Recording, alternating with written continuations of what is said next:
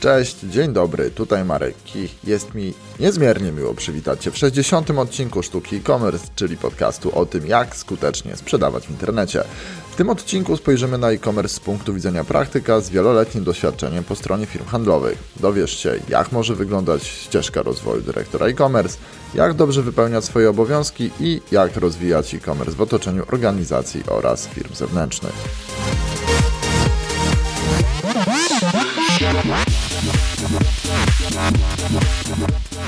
Od pierwszego odcinka sztuki e-commerce chciałem, żeby było to miejsce, gdzie spotykają się eksperci z różnych obszarów funkcjonowania e-commerce. Czasami będą to konsultanci zewnętrzni, którzy mają szerokie spojrzenie na funkcjonowanie firm. Innym razem właściciele e-commerce, którzy podzielą się swoimi doświadczeniami w budowaniu sprzedaży. Raz rozmawiamy o samej końcówce sprzedaży w postaci procesu zakupowego i doświadczeń pozakupowych, innym razem wracamy do początku na magazyn, no i jeszcze wcześniej aż do samej produkcji. Ten odcinek z kolei można by podsumować jednym pytaniem, które brzmi: jak być dobrym dyrektorem e-commerce? No, myślę, że mój gość może mieć na ten temat sporo do powiedzenia, bo w końcu nie każdy ma okazję zostać dyrektorem e-commerce roku, a taką właśnie nagrodę Jakub Gierszyński otrzymał w 2020 roku od Izby Gospodarki Elektronicznej. Jakub jest e-commerceakiem z 10-letnim stażem, a doświadczenia zbierał w firmach takich jak Decathlon i Intercars, no a obecnie jest dyrektorem e-commerce w Sephora. Jest to jedna z tych osób, które naprawdę warto śledzić na LinkedIn, bo daje mnóstwo inspiracji. Kubę łatwo poznam po czerwonej marynarce, a to, czego nie dowiesz się z LinkedIn i za to innymi lubię swoją podcastową robotę, to, że od 20 lat trenuje boks i ma dwa ogromne koty rasy Maine Coon. Czy po takim wstępie możesz spodziewać się, że szykuje się ciekawa rozmowa? No jasne, możesz, więc bez niepotrzebnego przedłużania zapraszam Cię do wysłuchania mojej rozmowy z Kubą o tym, jak dobrze zarządzać e-commerce'em. Cześć Kuba. Cześć Marku.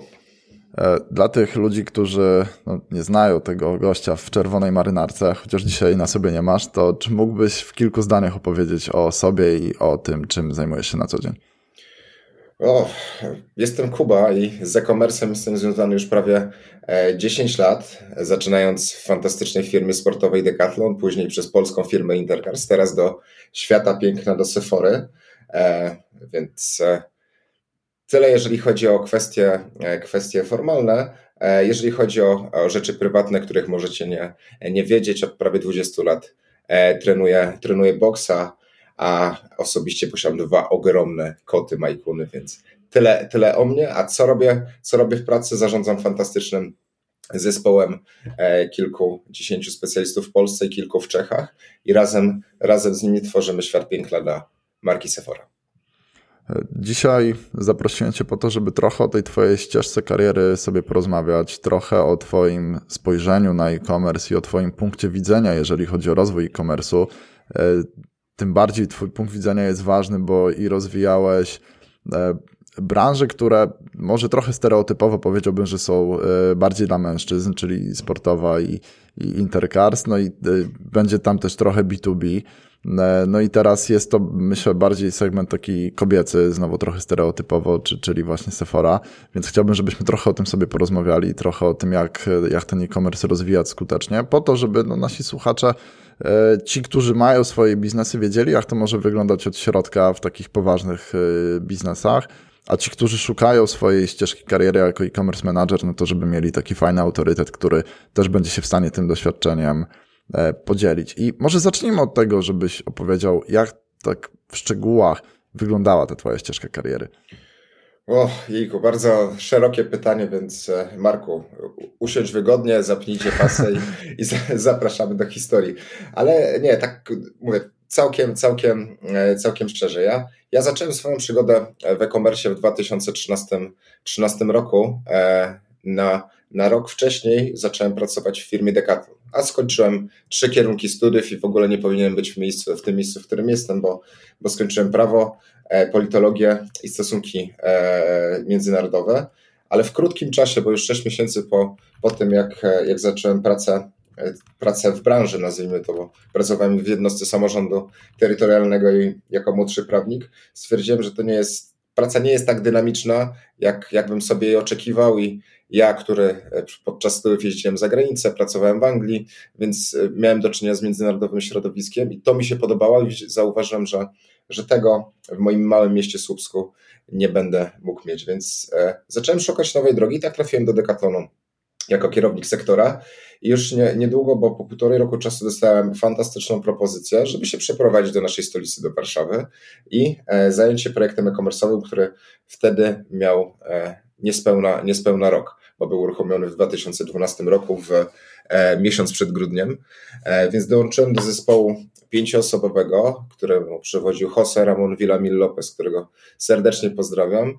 E, był niedawno jeszcze dyrektorem e, Global e, VKI, natomiast teraz rozwija nasz piękny polski startup, czyli Tylko, e, więc pozdrawiamy chłopaków z Tylko i pozdrawiamy Josego. Natomiast wracając do mojej historii, zacząłem wtedy pracę faktycznie w e-commerce, ale o e-commerce wiedziałem tyle tylko, że warto zamawiać rzeczy przez cash on delivery, bo możesz dostać jakąś cegłę z Allegro, a z e-commerce miałem, mówię, tyle wspólnego, że od czasu do czasu coś kupiłem i sprzedałem przez, e, przez Allegro. No to były te czasy, gdzie e, dopiero rozwój e-commerce zaczynał się, więc Zrobiliśmy masę błędów, masę błędów e, w Decathlonie po kolei. E, Decathlon wtedy rozpoczynał swoją przygodę e, w internecie.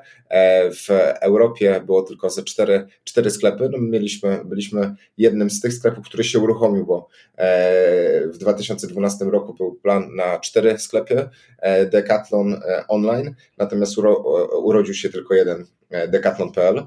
E, korzystaliśmy z, e, z magazynu sklepowego, czyli z Gliwic, gdzie wysyłaliśmy produkty do naszych sklepów w formacie B2B, no bo jadą na rampę przeładunkową do sklepów, tam są, tam są rozbijane na, na półki, natomiast dla nas musiało to funkcjonować w formule e, B2C, czyli mieliśmy 20 osób, które wysyłały nam paczki, no ale systemy nie były do tego jeszcze przygotowane, zaraz parę anegdot, e, anegdot o tym. E, następnie, następny dział obsługi klienta cztery osoby, bo wysyłali, odbieraliśmy mm, połączenia i, i komunikowaliśmy się z klientem. No i dwóch webmarketerów, którzy dbali o to, co się dzieje w e-commerce. No i ja, który zarządzałem działem obsługi klienta i właśnie tymi e-merchandizerami. No i tutaj zaczęła się historia, która trwa do dziś, i zaczęła się ogromna akceleracja, bo Decathlon, wyobraźcie sobie, jako love brand, e, produkty, które są łatwo dostępne dla, dla klienta w przystępnej cenie, uruchamia się online, czyli uruchamia się na całą Polskę.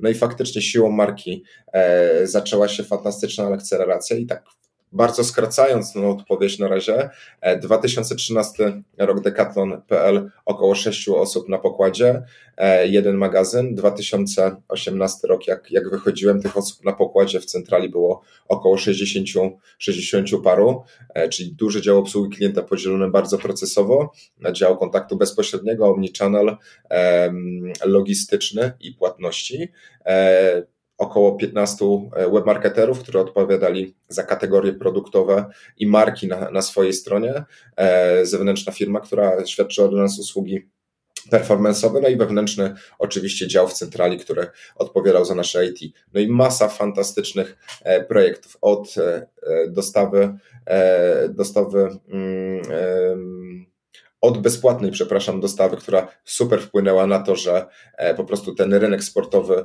e, e, zawłaszczyliśmy, bo większość naszych konkurentów w połowie, kumulatywnie nawet nie miała połowę trafiku, poprzez projekty typu właśnie Decathlon, Projekt Plus, gdzie możesz w sklepach kupić produkty, które, które nie są na półce sklepowej z dostawą do domu, nowy magazyn, w dużej mierze tylko dla e-commerce w Łodzi z prawie 200 osobami, które przede wszystkim pracowały dla e-commerce'u, ale przy okazji pracowały dla retailu. Masa projektów omnichannel'owych i faktycznie ten omnichannel zbudowany od strony operacyjnej.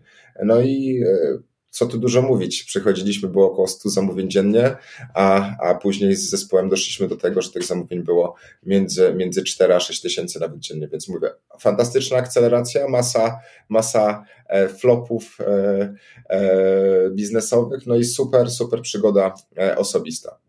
I tutaj e, kropka przy Decathlonie. 2018 rok trafiam do Intercarsu na początku jako konsultant, e, którego, którego celem e, było zbudowanie zespołu pod retail motocyklowy, czyli takie 2% udziału Intercarsu, który jest firmą B2B, e, faktycznym liderem w naszym C, sprzedającym produkty mm, z automotywu, czyli części nieoryginalne, natomiast oczywiście pełnowartościowe.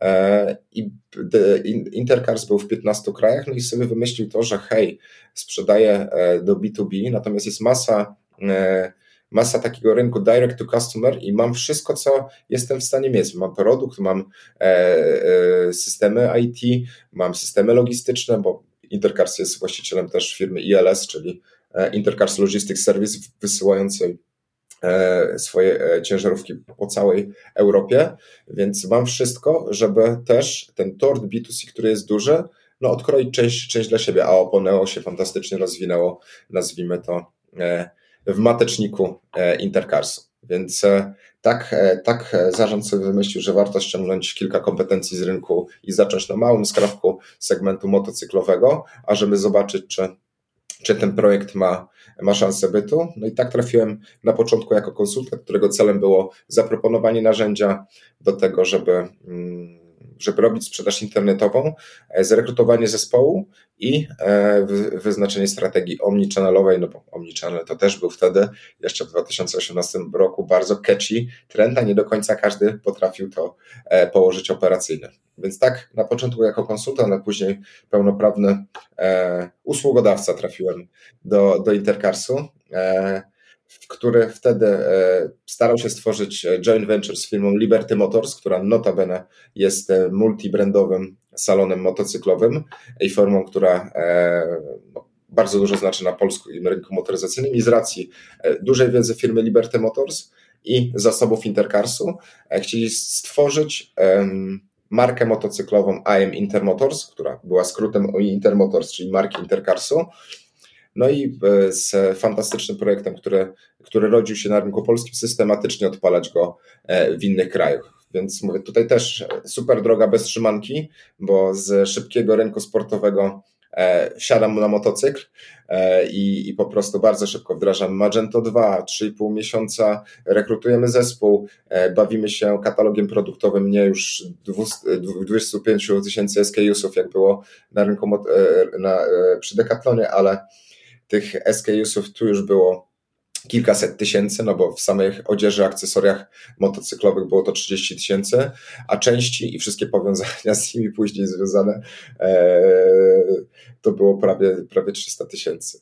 I, I, po prostu no, bardzo, bardzo kompleksowy projekt, jeszcze bardziej branża, która z internetem miała co tu dużo mówić, mało do czynienia, wyższy, wyższy koszyk zakupowy, no bo wyobraźcie sobie, że e, odzież motocyklowa no, potrafi kosztować nawet kilkanaście tysięcy złotych. Mówię tutaj o dobrych kombinezonach do, do jeżdżenia na, e, na motocyklu, czy, czy buty, które zaczynają się od 200-300, kończą się na też e, z dwójką z przodu. Kaski tak samo od 200-300 zł do kilku tysięcy. No i teraz i teraz trzeba e, nauczyć klienta korzystać z, e, z tego, że nie musi przyjść do sklepu. A, jeszcze ostatnia ważna rzecz. W rynku e, motocyklowym każdy negocjuje cenę, więc jeżeli są sklepy motocyklowe i nie ma jednego lidera branży e, w Polsce, jest masa po prostu drobnych, drobnych graczy, każdy przychodzi, pierwsze co się, się pyta o stolicę Maroko. Więc e, tak, tak przez dwa, dwa lata fantastyczny projekt zrobiliśmy dla Intercasu, łącznie z rebrandingiem marki, z taką naprawdę podszywką mocno, e, mocno indywidualną, bo z Intermotors, czyli z wcześniejszego e, e, list, liczby i marki sklepowej, która funkcjonowała w Intercarsie, e, zrobiliśmy markę IM Intermotors. Po to to było, żeby z jednej strony nadać takiego, e, nadać e, takiego takiego indywidualizmu, e, bo, bo motocykliści są bardzo indywidualni, czyli IM, Intermotors, później fajne, fajne, fajne komunikaty z tego robiliśmy, I'm biker, I'm e, screwdriver, I'm e, inne, inne rzeczy, więc to fajnie, fajnie zaiskrzyło. Później w, ce, w celu długoterminowej budowania tej marki chcieliśmy odciąć nazwę Intermotor, zostać tylko IM i tak się później nasza strona nazywała, I'm Ready EU. Dlaczego? Z jednej strony, żeby odpalać się w innych krajach, a z drugiej strony po to, żeby faktycznie do tej marki dobudowywać inne segmenty sportowe. No bo motocykliści, sorry, jeżdżą tylko między, e, między kwietniem, majem, a końcówką wakacji i później co? Później siedzą w domu, patrzą się, e, patrzą się w ścianę i chodzą, i chodzą, nie wiadomo co z sobą zrobić, ale w zimę E, to są narty, to, są, to, jest, to jest e, deska snowboardowa, w wakacje dokładają do tego motorówki, czyli z, z marki chcieliśmy długoterminowo zrobić taką platformę dla różnych sportów, które, które są z tego high-endu e, i to systematycznie zaczęliśmy budować. Po dwóch, dwóch i pół roku zarząd stwierdził, że no, projektu nie będzie rozwijał za granicą, bo mm, bo B2B działa dobrze za granicą. Każdy kraj Intercarsu rządzi się swoimi prawami, jest dosyć mocno autonomiczny, czyli firma e, buduje, e, buduje się jako mm, taką satelitę autonomicznych, autonomicznych krajów.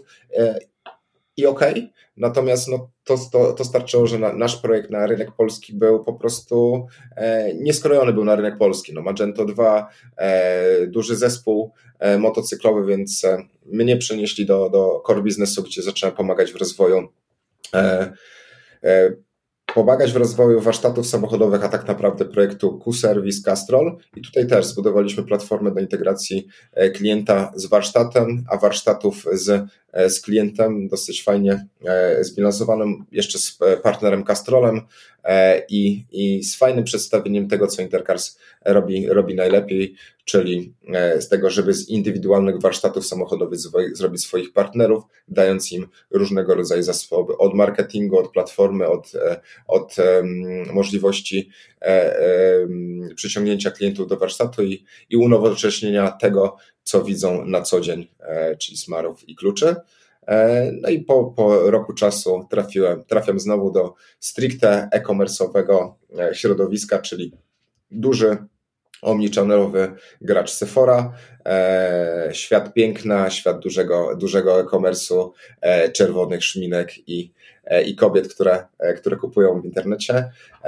I tu widzimy się na co dzień. Tak formalnie e, moja e, kariera e, przebiega, ale oczywiście poza tą domieszką, nazwijmy to pracy operacyjnej nad, nad, nad biznesem, mam tą przy, przyjemność i, i taką potrzebę, że dużo udzielam się też na rynku e-commerce'owym. Przez 3,5 roku byłem, byłem w Radzie Izby Gospodarki Elektronicznej, czyli takiego ciała, które które łączy interesy e, e-commerce'ów i gospodarki cyfrowej i dbanie, dbanie w Polsce.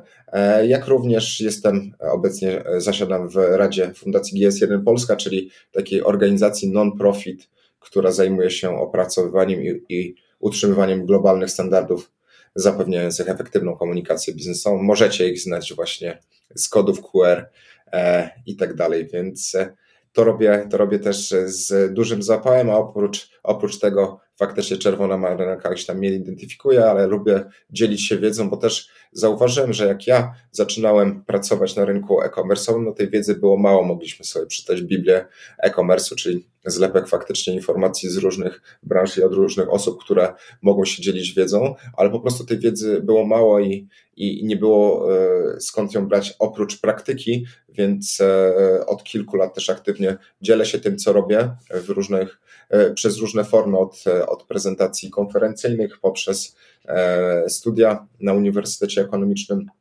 w Poznaniu, czy e, różne spotkania networkingowe, które gdzieś tam się odbywają e, w formie wirtualnej czy, czy fizycznej, bo po prostu jest duża potrzeba, żeby ludzie nie robili głupich błędów, po co mamy e, wydzielać, wydzielać niepotrzebnie dwutlenek węgla, lepiej zapytać się, jak to zrobić albo z kim to zrobić.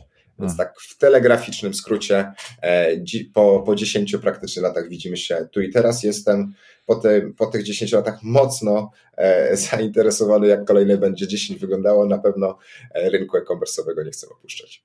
Tak, no ja o to też się zapytam. W ogóle trochę mam tych follow-upów, e, ale sprowadzę to do, do, do w sumie chyba trzech najważniejszych pytań. Mhm. I wiesz co, zacznę, wróćmy może na chwilę do tego 2013 roku. Ja też pamiętam te czasy i pamiętam, że wtedy się cieszyli ludzie, jak, mu, jak im przyjechał telefon z Allegra, nie cegłówka albo jakiś tam kawałek ziemniaka. E, i, I powiedz mi, jak z twojej perspektywy e-commerce się zmienił przez te no, prawie 10 lat? Czy, czy, czy teraz jest dużo trudniej niż było kiedyś?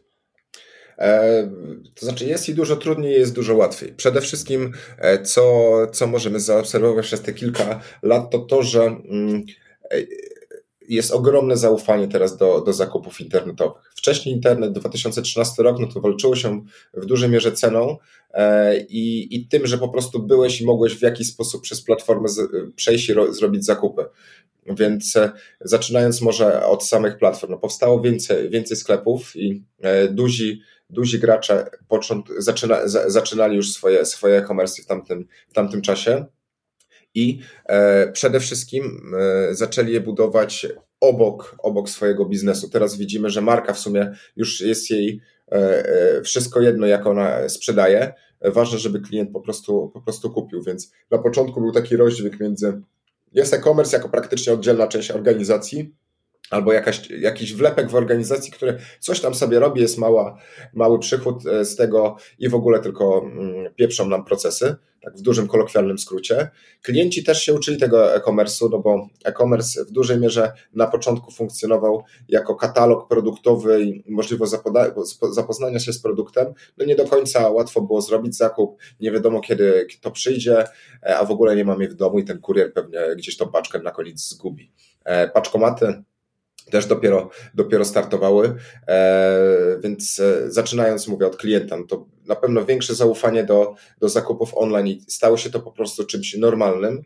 Druga, druga rzecz, e, płatności się niesamowicie zmieniły, bo jak ja pamiętam, jak zaczynałem 2013 rok, to 70 parę procent naszego means of payment to był cash and delivery. I najlepiej jak to było integrowane w Decathlonie, no to, no to uruchomili nam sklep internetowy bez cash and delivery, no bo ktoś powiedział, no ale jak to? Przecież jak płacić kurierowi? Przecież to się, to się nie wydarza.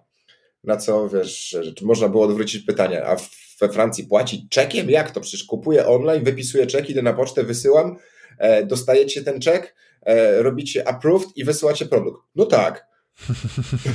No, no, biznes rządzi się lokalnie, więc e, fajnie jest to, że spojrzeć z perspektywy 10 lat, że, że faktycznie też wymuszenie pandemią i większe udział płatności internetowych, płatności zbliżeniowych sprawił to, że nie boimy się płacić online, jest to po prostu normalne, e, więc e, ten odsetek cash and delivery systematycznie maleje, dzięki pandemii jeszcze, jeszcze też zmalał. E, przez te 10 lat też widać, że no marketplace niesamowicie urosły i to nie tylko, mm, nie tylko nasze, nasze rodzime Allegro i pojawienie się innych graczy na, na chwilę, bądź też, bądź też zmiana, zmiana, e, e, globalnego ustawienia od, od AliExpress przez e, Amazona i tak dalej, no klienci zaczęli też kupować przede wszystkim na marketplace'ach, być może na początku zaczęli, no bo Allegro stanowiło przez duży okres ponad połowę polskiego e-commerce'u.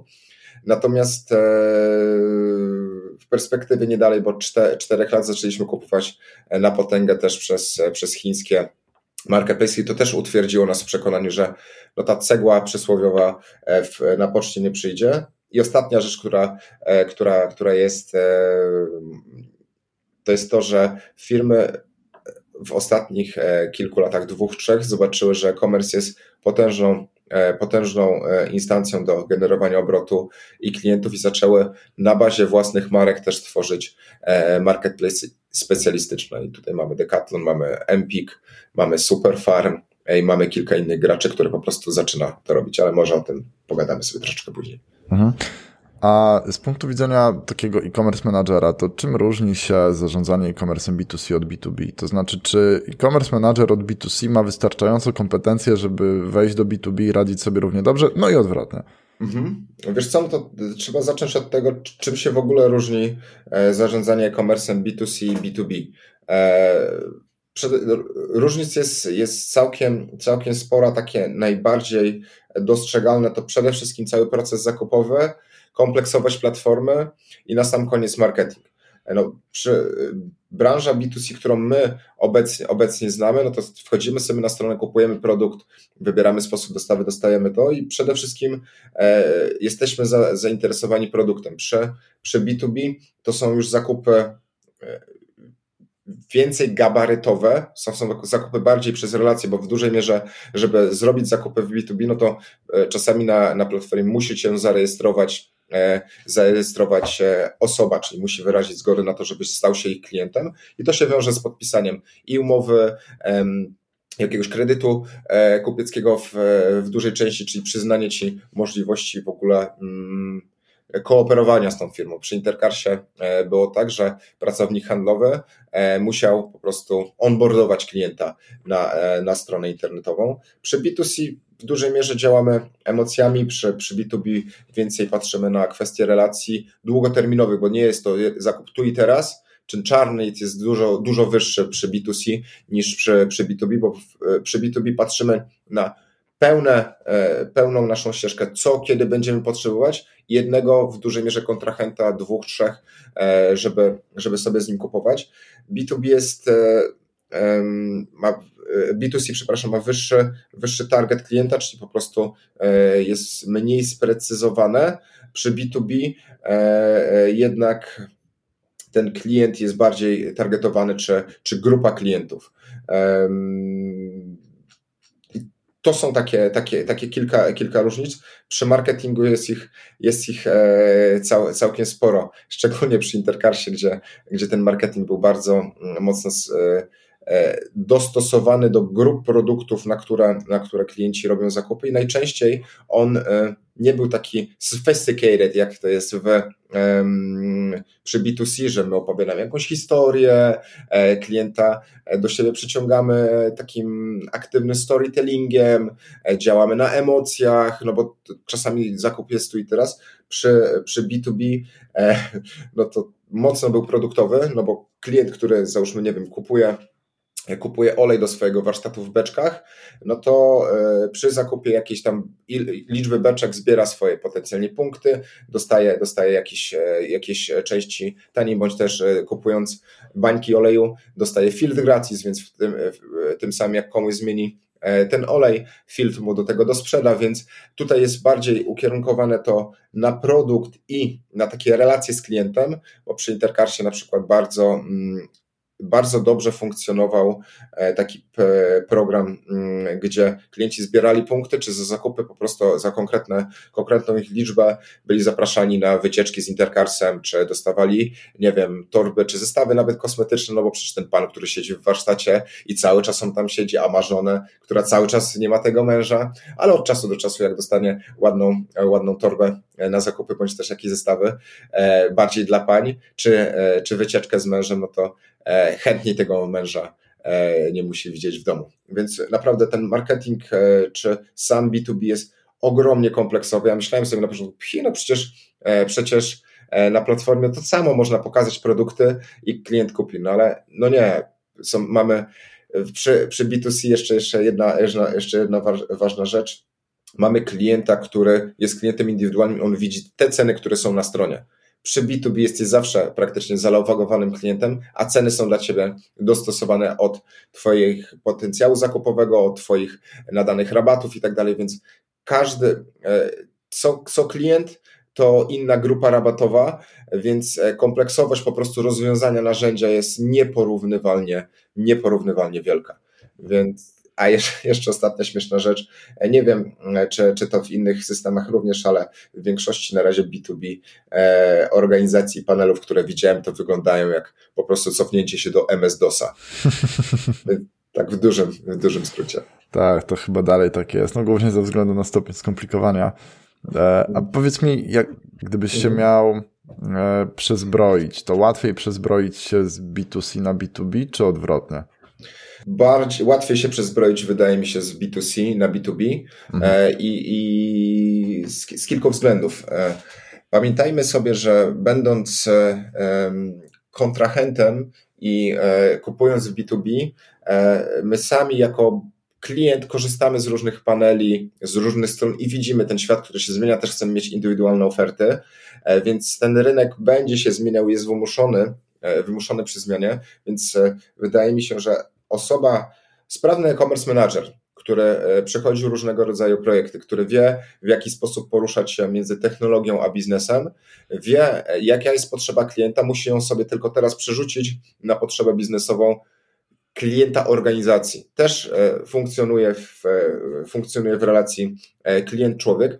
Po drugiej stronie oczywiście przy kompleksowości decyzji jest jakaś grupa interesariuszy procurement, który, który musi pewne rzeczy podpisać, natomiast sposób pracy z tym klientem jest bardzo, bardzo podobny. Natomiast z B2B przechodząc do B2C, no to jest to gdzieś tam nieporównywalnie mm, bardziej kompleksowe, gdyż no jest taki mindfuck, przepraszam, bo tu jest raptownie klient, a tu jest kontrahent i czasami jest ciężko e, sobie to zmienić. Przy B2C zmieni się skala biznesu na mniej zamówień o wyższym koszyku e, i, i z lepszą retencją klienta.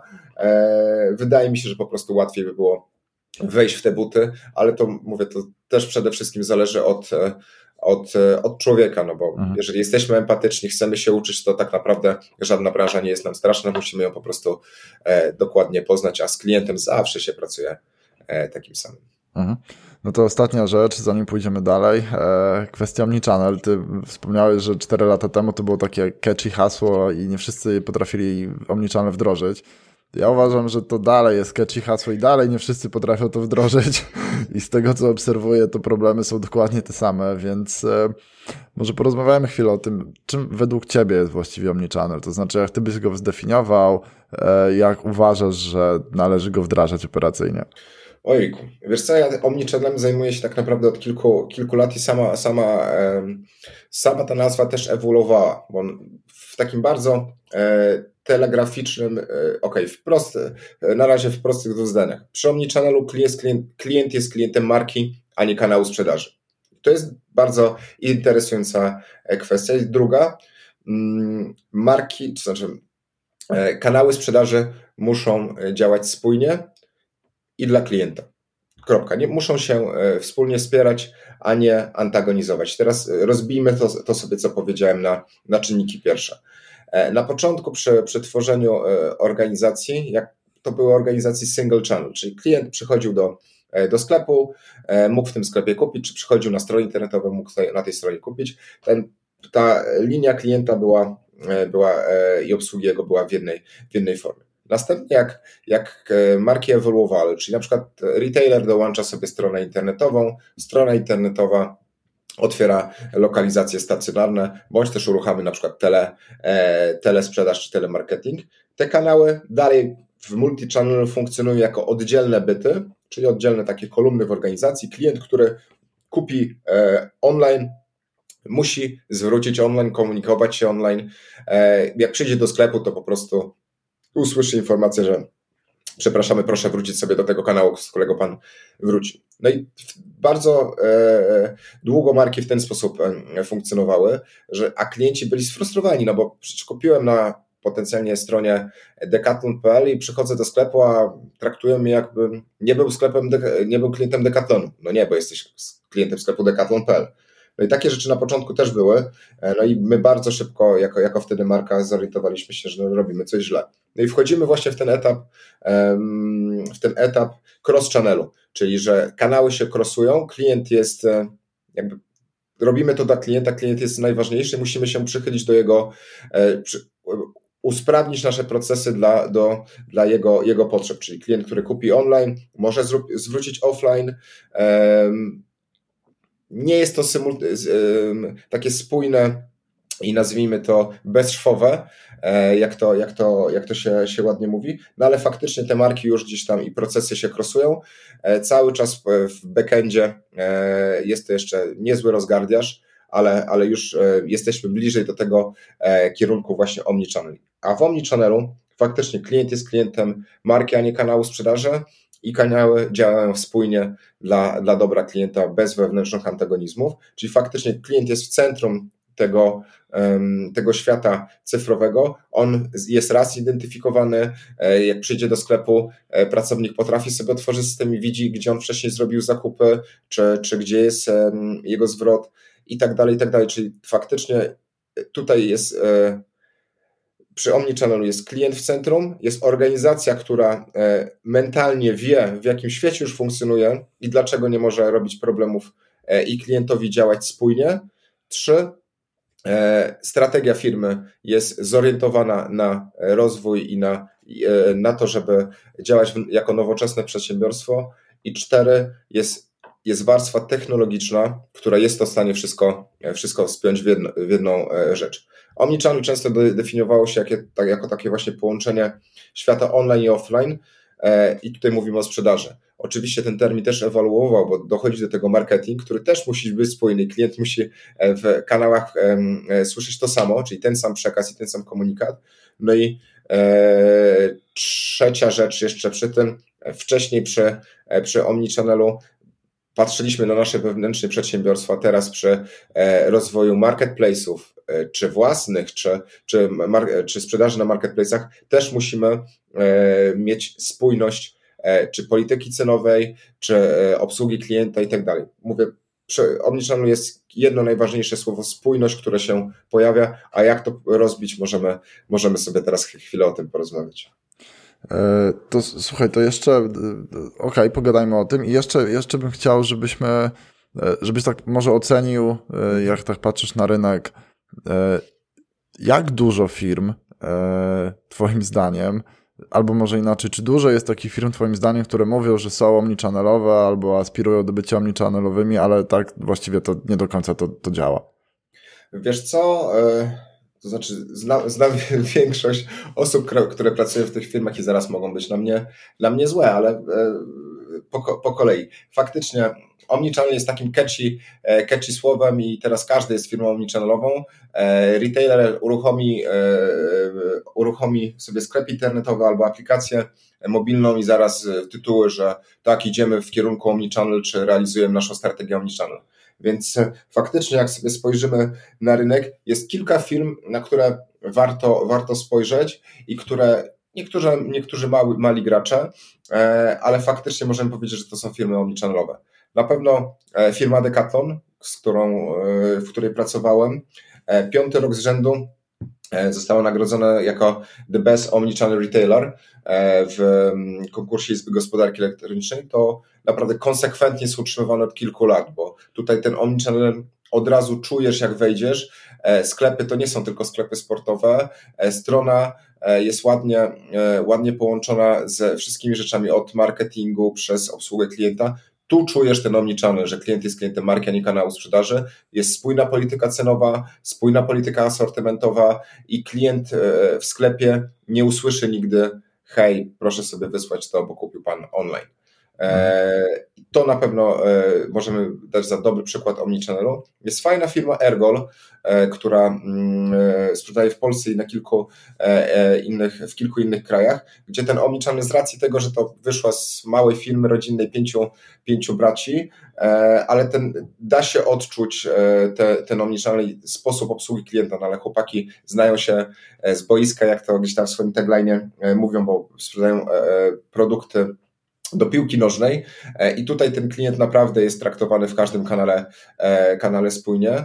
E, możemy wskazać na pewno, na pewno e-obuwie ze swoimi salonami, które moim zdaniem są najlepszym przykładem mm, takiej firmy omnichannelowej, która wyrosła z pure playera i teraz otwiera swoje sklepy w tej właśnie koncepcji połączenia biznesu i technologii, no bo mm, siadając sobie na wygodnym, e, wygodnym fotelu, otwierając tablet czy otwierając e, e, komórkę, wybieramy sobie produkty, które przyjeżdżają nam do, e, do tego i mamy takie odczucie, że faktycznie e, wybieram sobie produkty, dodaję do koszyka online, e, przynoszę, jestem w świecie offline, więc tutaj na pewno jest dobry przykład omnichannelowego retailera. Empik jest zawsze podawany jako e, gracz omnichannalowy i, i co do zasady się tutaj zgodzę, natomiast przy Empiku jest jedna, jedna tylko uwaga, która gdzieś tam zawsze się rodzi, brak spójności e, cenowej przy produktach. Online e, cena nieznacznie się różni od tych produktów offline, czyli online kupimy sobie taniej i często Często e, klienci, którzy są w sklepie, mogą tego po prostu nie,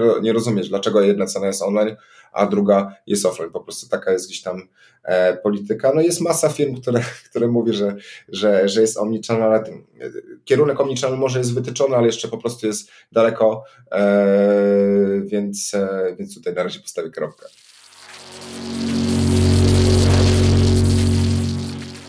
Dobra, słuchaj, no to Kuba, wróćmy do, do, do ciebie. Ja trochę zdradzę informacji z backstage'u, zanim w ogóle zaczęliśmy nagrywać, no to rozmawialiśmy trochę o tym, e, w jaki sposób jest e, typowana czy, czy budowana rola e-commerce managera w firmie. Najczęściej jest to osoba, która albo się e, po prostu najbardziej nudziła, albo osoba, która miała najnowszy telefon, albo osoba, która była najbardziej na bieżąco z trendami. Ja jestem w ogóle bardzo wredny dla takich organizacji, dla takich ludzi i strasznie to hejtuję. E, bo później e, to powoduje dużo różnych problemów i podczas wdrożenia, i później podczas wzrostu. To generuje z kolei dość dużo mitów na, na temat e-commerce'u i tego, że w niektórych branżach nie da się sprzedawać, albo nie ma klientów, albo jest za duża konkurencja i tak dalej, i tak dalej. Więc chciałbym, żebyśmy trochę może rozwiali tych mitów i trochę też pokazali organizacjom, ale też osobom, które e, szukają gdzieś tam swojego miejsca w e-commerce, jak w ogóle wygląda ta rola od, od kuchni i zacznijmy może od pytania, jak właściwie wygląda Twoja praca na co dzień? Ojejku, zaczynając bardzo, bardzo formalnie, wstaję z łóżka. A. Nie, to czeka każdego z nas. Wiesz co, no to mój dzień e, ogólnie wygląda bardzo podobnie ka każdego dnia. Wstaję z łóżka, szybki rozruch i, i staram być się dobrym mężem i ojcem, więc idę po ciepłe bułki, robię śniadanie e, żonie i mojemu młodemu. E, szybka prasówka po portalach, wsiadam w auto, e, podcast BBC, bądź też inny jadę do pracy i jestem w pracy. I taki typowy dzień, nie wiem, nazwijmy to e-commerce managera, no to sprawdza się, zaczynam od wyników sprzedaży zeszłego, zeszłego dnia, patrzę, patrzę po kanałach e, komunikacji z klientem, które, które ścieżki klienta nam rosły, które spadały, czyli jak, jak wyglądał ruch po, po naszych platformach od web przez, e, przez web, mobile i przez aplikację. Patrzę, czy jest to spójne z wynikami, które sobie gdzieś tam predyktowaliśmy. Robię to codziennie w perspektywie tygodnia, miesiąca e, i tak dalej. Później szybki status z zespołem. Czasami się to dzieje podczas, podczas też drogi, a żeby każdy z zespołu z segmentów zespołu był zalinowany, co robią inne osoby. Nie dzieje się to codziennie, e, bo stand-upów nie, nie robimy sobie codziennie, chyba że wdrażamy jakiś, jakiś projekt. Więc wtedy faktycznie tak, tak naprawdę trzeba mieć rękę na pulsie. I później jest seria e, spotkań dotyczących bieżących i przyszłych działań. To naprawdę te spotkania są, są bardzo różne, bo e-commerce jest kompleksowy, bo mamy spotkania związane z naszą platformą i nowymi featuresami, które wchodzą na platformę. Mamy spotkania dotyczące testów AB, które przeprowadzamy w perspektywie e, dwutygodniowej, tygodniowej czy, czy, czy kwartalnej nawet, więc e, tu jest status zarówno wewnętrzny, jak i, jak i nazwijmy to zewnętrzny, bo, bo z e, zespołem, z którym współpracujemy we Francji, mamy spotkania dotyczące marketingu i tutaj naprawdę marketing jest po prostu tak szeroką księgą przy e-commerce, że żeby być specjalistą w tym, no to po prostu musisz być, mieć specjalistów, bo um, jest to po prostu ciężki kawałek chleba, e, a też miejsce, gdzie po prostu niesamowitą akcelerację można zrobić dla marki. E, no i mam spotkania zarządowe również, no bo e, też musimy się wspólnie gdzieś tam na, w organizacji alignować z tym, co, co, co robią każdy segment, no bo ten e-commerce e-commerce jest naprawdę, trzeba traktować w full funnelu, od akwizycji klienta poprzez stronę internetową, poprzez logistykę i na końcu customer service. E-commerce nie jest to tylko strona internetowa, więc tak wygląda mój dzień pracy. E, z jednej strony jest bardzo sformalizowany e, w kilku aspektach, a z drugiej strony po prostu każdy dzień niesie za sobą wiele zaskoczeń i nie dość, że trzeba umieć pływać w tym środowisku, to jeszcze pływać synchronicznie. Mhm. Na ile twój dzień to jest, nie chcę, żeby to źle zabrzmiało, bo zaraz e, wyjdzie, że powiem, że nie pracujesz, ale na ile to jest e, taka rzeczywista praca, w sensie takiej egzekucji, a na ile to jest zarządzanie pracą innych? O, trudne, trudne pytanie, nie wiem jak temu nadać procenty, natomiast um, praca pracą, no nie, nie pracuję na budowie, nie przerzucam piachu, więc nie mogę od razu mhm. zobaczyć, jaki przyniesie to efekt, mhm. ale faktycznie jest dużo e, pracy analitycznej e, i, i współpracy z zespołem, więc z tego zarządzania bym powiedział, że w zależności jak kto sobie poukłada, e, poukłada pracę, ja mam około 30 mm, do 40% tyle, tyle fajnie, że pracuję naprawdę z fantastycznymi osobami, które są świadome tego, co robią, jaki jest kierunek rozwoju organizacji i się w tym i, ten kierunek re, realizują z własnymi zespołami. Z drugiej strony taka praca koncepcyjna to jest około tych 20, 30, 30%, a resztę to, to jest po prostu, nie chcę powiedzieć, że gaszenie pożarów, ale są różne ad hoci, które, mhm. które nie wiem jak przyporządkować do, do, do tego, co, o co pytasz. No jasne, no to chyba w każdej pracy się zdarza coś, co właściwie nawet nie wiadomo jak to nazwać i najchętniej by tego nie było, ale to jest najczęściej właśnie takie 10-20%, które trzeba po prostu przełknąć i z nimi żyć. Taki buffer sobie trzeba zawsze zostawić. To znaczy ja jestem osobą digitalową, natomiast, natomiast e, zawsze mam duży e, zeszyt ze sobą. Tutaj tobie, tobie go teraz pokazuję, gdzie z jednej strony praktycznie wszystkie spotkania są zapisywane, e, co było danego dnia z kim, a żeby taki żeby to notować. Jak piszesz na komputerze, no to jednak nie ma tej interakcji między, między głową, a, a jak jest słowo pisane, e, więc ja sobie to zapisuję, a z drugiej strony mam taki system, gdzie e, zapisuję sobie taski i przyporządkowuję do tego czas, jaki musi być, żeby mi po prostu rzeczy nie powypadały z głowy. Niektórzy robią to na, na komunikatorach typu, nie wiem, Nozbi, czy, czy w innych miejscach, czy, czy w jakichś taskach, czy w jakichś postitach. Ja to robię w, w Notesie i to się bardzo dobrze sprawdza. Mhm. E, wiesz co, pytam o to dlatego, że o, o to, to proporcje, dlatego że chciałbym się mniej więcej wypozycjonować z pytaniem o, o kompetencje takiej osoby, która zarządza e-commerce'em. I wydaje mi się, że na to pytanie nie ma dobrej odpowiedzi. To znaczy, zdałem sobie trochę sprawę, że musi to też pewnie w jakimś stopniu zależeć od rozmiaru w ogóle e-commerce'u. To znaczy, jeżeli to jest mały e-commerce, no to tam nie ma sztabu ludzi, którymi trzeba zarządzać. Trzeba robić też dużo wtedy samemu e, takiej egzekucji. Z drugiej strony, jak jest duży zespół, no to się robi analityka i e, i e, bardziej taka praca koncepcyjna, to, tak jak o tym powiedziałeś, plus te gaszenie pożarów na 20%. E, jak, jak ty byś ocenił mhm. w zależności od tego, jaki to jest e-commerce, czy to jest B2B, B2C, od, od rozmiaru, jakie są potrzebne kompetencje, żeby takim e-commerce'em zarządzać? Mhm. Wiesz co, no pamiętaj, że rozmawiasz co do zasady z prawnikiem, więc najlepsza odpowiedź jest to zależy właśnie. więc to, ta, sama, ta sama tak. odpowiedź jest świetna przy podcastach, więc... Wiesz co, więc, więc um, łapiąc to pytanie, to na pewno trzeba zacząć w ogóle od kompetencji osoby, która tym e-commerce powinna zarządzać. To, czy to będzie duży, czy, czy mały e-commerce, e, wydaje mi się, jest przepraszam, jestem przekonany, że te osoby muszą mieć takie e, umiejętność przekrojowego, ale też szerokiego spojrzenia na to, co się dzieje na rynku i przede wszystkim umiejętność współpracy i rozmowy z ludźmi. To są takie dwie, e, moim zdaniem, najważniejsze rzeczy, że patrzymy szeroko, e, nie jesteśmy specjalistą w żadnym, nie chcę powiedzieć, że w żadnym zakresie, ale nie, nie specjalizujemy się w jednym koniku, bo to bardzo często widać i musimy być e, dobrzy we współpracy i rozmową z ludźmi, przede wszystkim ciekawi, bo e-commerce zależy przede wszystkim od tej ciekawości. Ja często sobie mówię, że ten rynek e-commerce'owy to jest tak, jakbyśmy płynęli sobie łodzią podwodną i wypuszczali peryskop. Po prostu tej, tej, tej masy informacji, która się przerzuca na rynku i wszystko jest trendem i wszystko zaraz jest e, takiej, taką technologią, która zaraz będzie fantastyczna i w ogóle jak się na to nie załapiesz, to teraz to będzie dzień Więc e-commerce manager musi e, mieć kompetencje przekrojowe, i takie interdyscyplinarne podejście do, do, do, zakresu. I tutaj możemy wyróżnić e, kilka takich, nazwijmy to, ról, bo e-commerce manager często są to świetni e,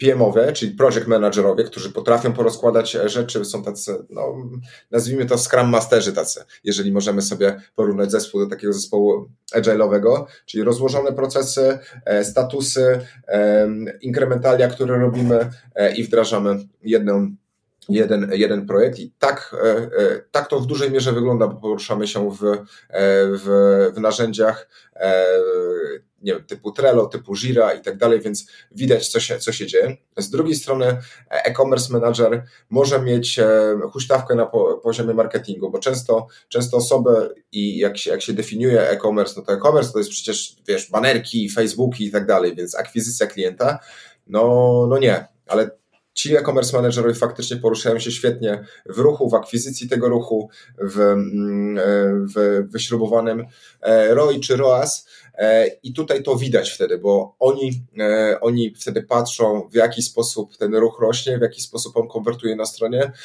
budują sobie różne rodzaje modele atrybucji i pracują strona, platforma. Trzeci taki, taki typ e-commerce managera, który, który ja widzę, to są osoby, które świetnie znają się na technologii. Oni też czasami wywodzą się z takiego product managementu, czy project managementu, przepraszam. Ja ich traktuję jak takich webmasterów, czyli mogą, świetnie znają to, co się dzieje na stronie, optymalizują ją i pracują przede wszystkim na tym, na, tym, e, na tej konwersji, która jest na stronie, maksymalizacji tego, co efektu na stronie. E, no i e, moim zdaniem nikt nie może być e-commerce managerem, jeżeli nie ma pojęcia o logistyce i tym, co się dzieje.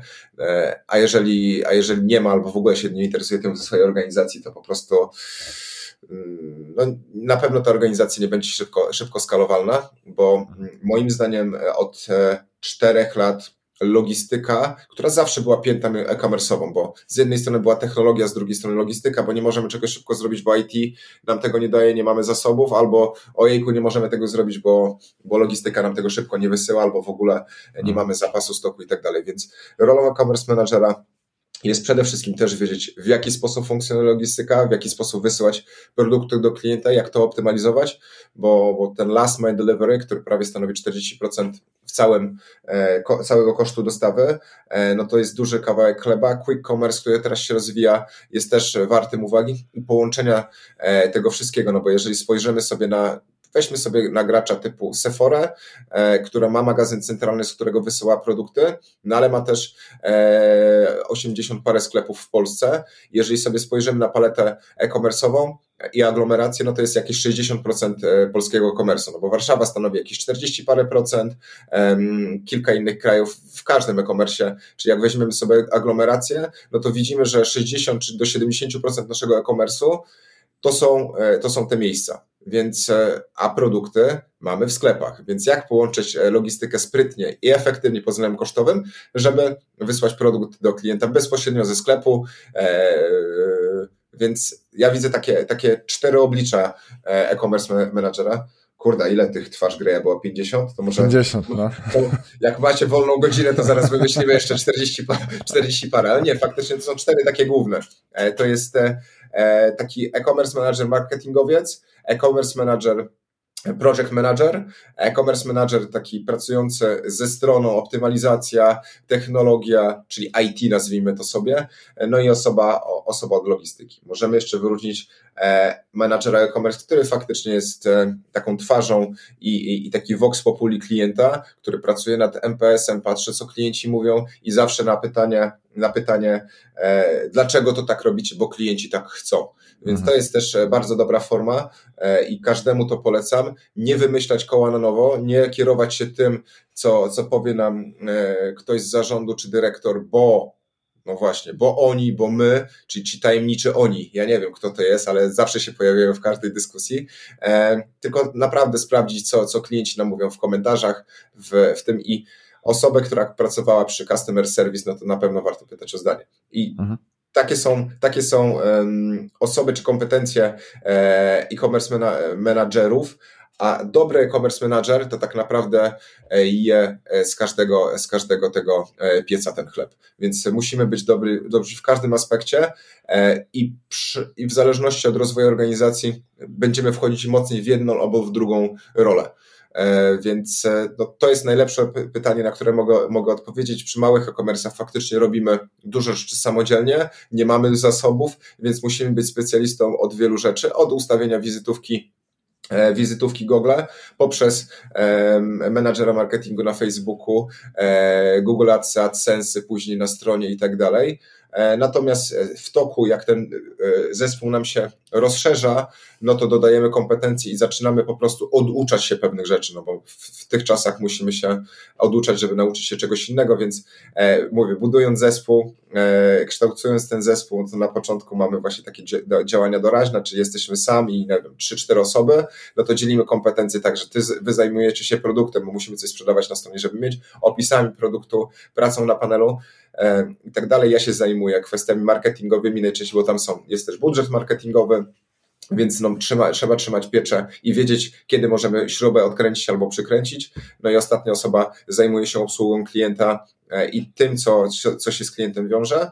Później w toku właśnie, e, nazwijmy to profesjonalizacji działu, takiej koncentracji na działaniu, dokładamy elementy, czyli dochodzi osoba, która odciąża nas od tych zadań marketingowych, czyli ma własny budżet, jest specjalistą, robi to z agencjami, czy też samodzielnie, dochodzą na osoby do, do produkt managementu na stronie, czyli opisywanie produktu, budowanie kontentu i tak dalej. Może się pojawić osoba od SEO, która to będzie gdzieś tam optymalizowała. E, dochodzą osoby z działu obsługi klienta i tak tworzymy ten zespół. On pączkuje, pączkuje, pączkuje, dochodzi do, do etapów 5, 10, 15, 50 czy 100 paru osób. Mhm. No to pytanie o rozwój zespołu mamy z głowy, ale wiesz co, ja sobie tak przypomniałem jeden z odcinków z Krzyskiem Wieczorkiem, który myślę fajnie się wpisuje w ogóle w to, co powiedziałeś, że są te typy e-commerce managerów i to później widać w w sposobie, w jaki oni pracują. To znaczy, jeżeli ktoś jest dobry w jednej rzeczy i tylko w tej rzeczy, a o innych nie ma pojęcia, no to robię się z tego problemy. Krzysiek akurat podał taki fajny przykład, że e, bardzo sobie marketing menadżerowie, czy e-commerce menadżerowie wywodzący się z marketingu lubią podczas Black Friday zrobić grubą promocję, wszystko przecenić o 50%, i nie mają żadnej świadomości, co później tam się dzieje na magazynie. No a wiadomo, co się dzieje na magazynie, jak wszystko przecenimy o 50%, no i później wraca to w postaci totalnie niezadowolonych klientów i, i hejtu w social mediach i tak naprawdę no, kończy się to 10 razy gorzej niż e, gdybyśmy w ogóle tych promocji nie robili, nie mhm. zrezygnowali z Black Friday. E, więc e, rzeczywiście tego, tego świata w tym e-commerce jest dość, dość dużo. I skoro mamy, mamy kwestię zespołu w miarę ogarniętą, to chciałbym, żebyśmy jeszcze poruszyli ten, ten, ten e, tajemniczy świat my i oni, e, czyli takiego umocowania e-commerce w organizacji, bo często jest tak, że to, to, to jest taka moja obserwacja, że e-commerce lubi być traktowany po macoszemu, tak trochę pilotażowo. Jest tak, że wy się tam bawcie i jak to zażre, to, to my się w to zaczniemy bawić, a później się będziemy ogrzewać w waszym sukcesie. E, często jest tak, że e-commerce jest hamowany na przykład przez to, że offline'owo to idzie dobrze, więc jest jakiś tam opór przed zmianą i tak dalej, i tak dalej. Więc e, tych, tych takich zagadnień, nazwijmy to z pogranicza dyplomacji jest, jest pewnie sporo w twojej też pracy, myślę. E, więc może opowiesz, jak w ogóle poorganizować i, i pomocować e-commerce w organizacji, żeby to miało wszystko ręce i nogi. Mhm. Okej, okay, więc e, no to prawda. No, to, to, znaczy, będąc e-commerce, czy wdrażając e-commerce w organizacji, czy działając na zasadzie transformacji cyfrowej, która dzieje się w organizacji, musisz być przygotowany na to, że, że ci plują w twarz, a ty musisz powiedzieć, że, że deszcz pada, tak mówię, e, cytując jakiegoś tam. E, ale faktycznie, wracając faktycznie do konkretnych, konkretnych rzeczy, no to można wyróżnić takie cztery etapy kształtowania się struktury organizacyjnej e-commerce. To jest właśnie działania doraźne, czyli w tym przypadku e, prezes albo ktoś e, z organizacji usłyszy, kurde, wszyscy robią ten e-commerce, no to my też musimy to zrobić. No ale kto to zrobi? No nie mamy zasobów, a gdzieś to trzeba wrzucić. No i takie dwie najczęstsze miejsca, gdzie tak mówimy historycznie, tak to się działo, to jest dział marketingu, bo jak nie wiemy, co, co, co zrobić, to wszystko ląduje w dziale marketingu, bo oni coś tam robią, na pewno e, dużo biegają, machają rękami i, coś tam stamtąd wychodzi, więc najczęściej e, ten e-commerce powstaje tam i skądinąd e, on wtedy właśnie jest e, jako takie koszto, kosztogenne miejsce, no bo przecież ta strona jeszcze nie sprzedaje, pokazuje produkty i coś tam się dzieje. Albo faktycznie kierując się tym, no ląduje to w dziale IT, no bo przecież wiecie, systemy, platforma, kod HTML i w ogóle oni tam potrafią w tym robić, więc e-commerce tam się staje. Na początku to jest właśnie e, wtedy to definiuje, w jaki sposób e-commerce jest sprowadzony, bo przy marketingu jest ładny, taki niekoniecznie sprzedażowy, a przy IT wszystko działa sprawnie, ale ten klient, żeby to zrobić, no to ciężko mu się z tym poruszać, no. Więc e, to tak, później jest e, koncentracja na działaniu, bo coś już zaczyna działać i widzimy, że, że kierownictwo ustala pewną grupę sterującą tym, kto tym ma, ma faktycznie robić, bo strona zaczyna funkcjonować. E, I e, przy tej koncentracji na działaniu albo możemy wydzielić ten, ten dział e-commerce jako oddzielną komórkę, albo najczęściej e, trafia to pod dział sprzedaży. Dlaczego? No bo żeby nie było antagonizmu tych dwóch kanałów, bo jeżeli jest e-commerce manager i jest dyrektor handlowy gdzieś tam obok i nie działają we wspólnym zespole, no to KPI ten, też nie, nie są spójne dla, dla zespołów, więc e-commerce promocję może sobie zrobić sobie, retail zrobić sobie i wtedy dlaczego nie ma sprzedaży w retail? No przecież w tym e-commerce to oni odkręcili promocję i widzisz, tam wszyscy poszli. no ale to też gdzieś tam nie jest, nie, nie jest prawdą jest taka właśnie formalizacja e, na działaniu. Zaczyna się większa skala, więc musimy już właśnie to sformalizować, jakby co przy tym e-commerce robić. No i na samym końcu jest jakaś instytu instytucjalizacja tego, że najczęściej jest to oddzielna, oddzielna komórka, która już sporo waży w naszym PNL-u i wtedy to się, e, to ma jakieś e, ręce i nogi. Tak teraz układając to właśnie, mm, albo opisując te, te, te cztery etapy, w zależności od tego, jak, e, jak e-commerce, gdzie, gdzie powstanie, tak on jest na początku umocowany. Oczywiście w toku teraz pracy, w toku, co się działo przy, przy COVID-zie, COVID był po prostu najlepszym, e, najlepszym, najlepszą rewolucją, która się stała od momentu wynalezienia smartfonu i upowszechnienia się internetu dla branży cyfrowej. Dlaczego? Bo w końcu e, te wszystkie mm, imperatywy, które, przepraszam, nie imperatywy, w końcu e, ludzie, ludzie w organizacjach zobaczyli, że fuck, jak ja nie mam e-commerce'u, teraz dobrze spozycjonowanego, ustawionego pod względem procesów, to jeżeli coś takiego się stanie, że znowu mi zamkną galerię, które były głównym moim miejscem, gdzie klient przychodzi, bądź też sklepy fizyczne, bądź też w ogóle nie będę miał sprzedaży,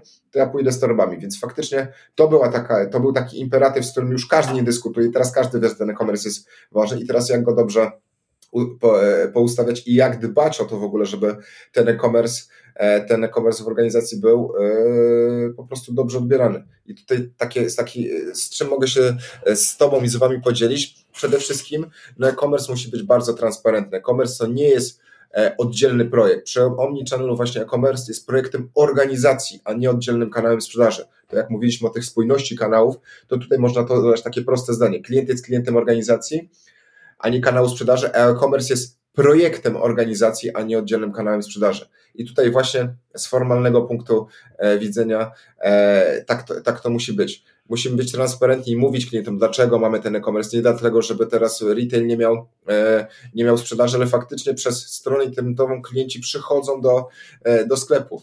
E, e-commerce ma trzy role. Właśnie rolę sprzedażową, o którym tylko i wyłącznie o tym pamiętamy, rolę informacyjną i rolę marketingową. I o tych właśnie informacyjnej i marketingowej bardzo mało pamiętamy, a tylko się fokusujemy na KPI sprzedażowym.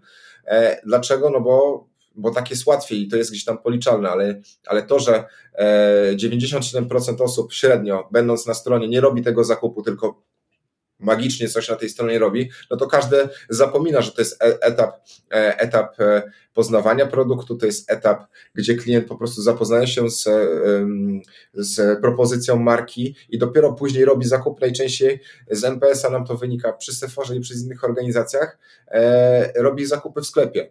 I bardzo, bardzo często, często o tym zapamiętamy, bo tylko się fokusujemy na sprzedaży. No i rola marketingowa, no to wszyscy przecież wszystko linkujemy do, E, do e-commerce'u. Przepraszam, rozbiliśmy to, to pytanie na mhm. kilka off-topików, ale e, ostatnio tylko kończysz.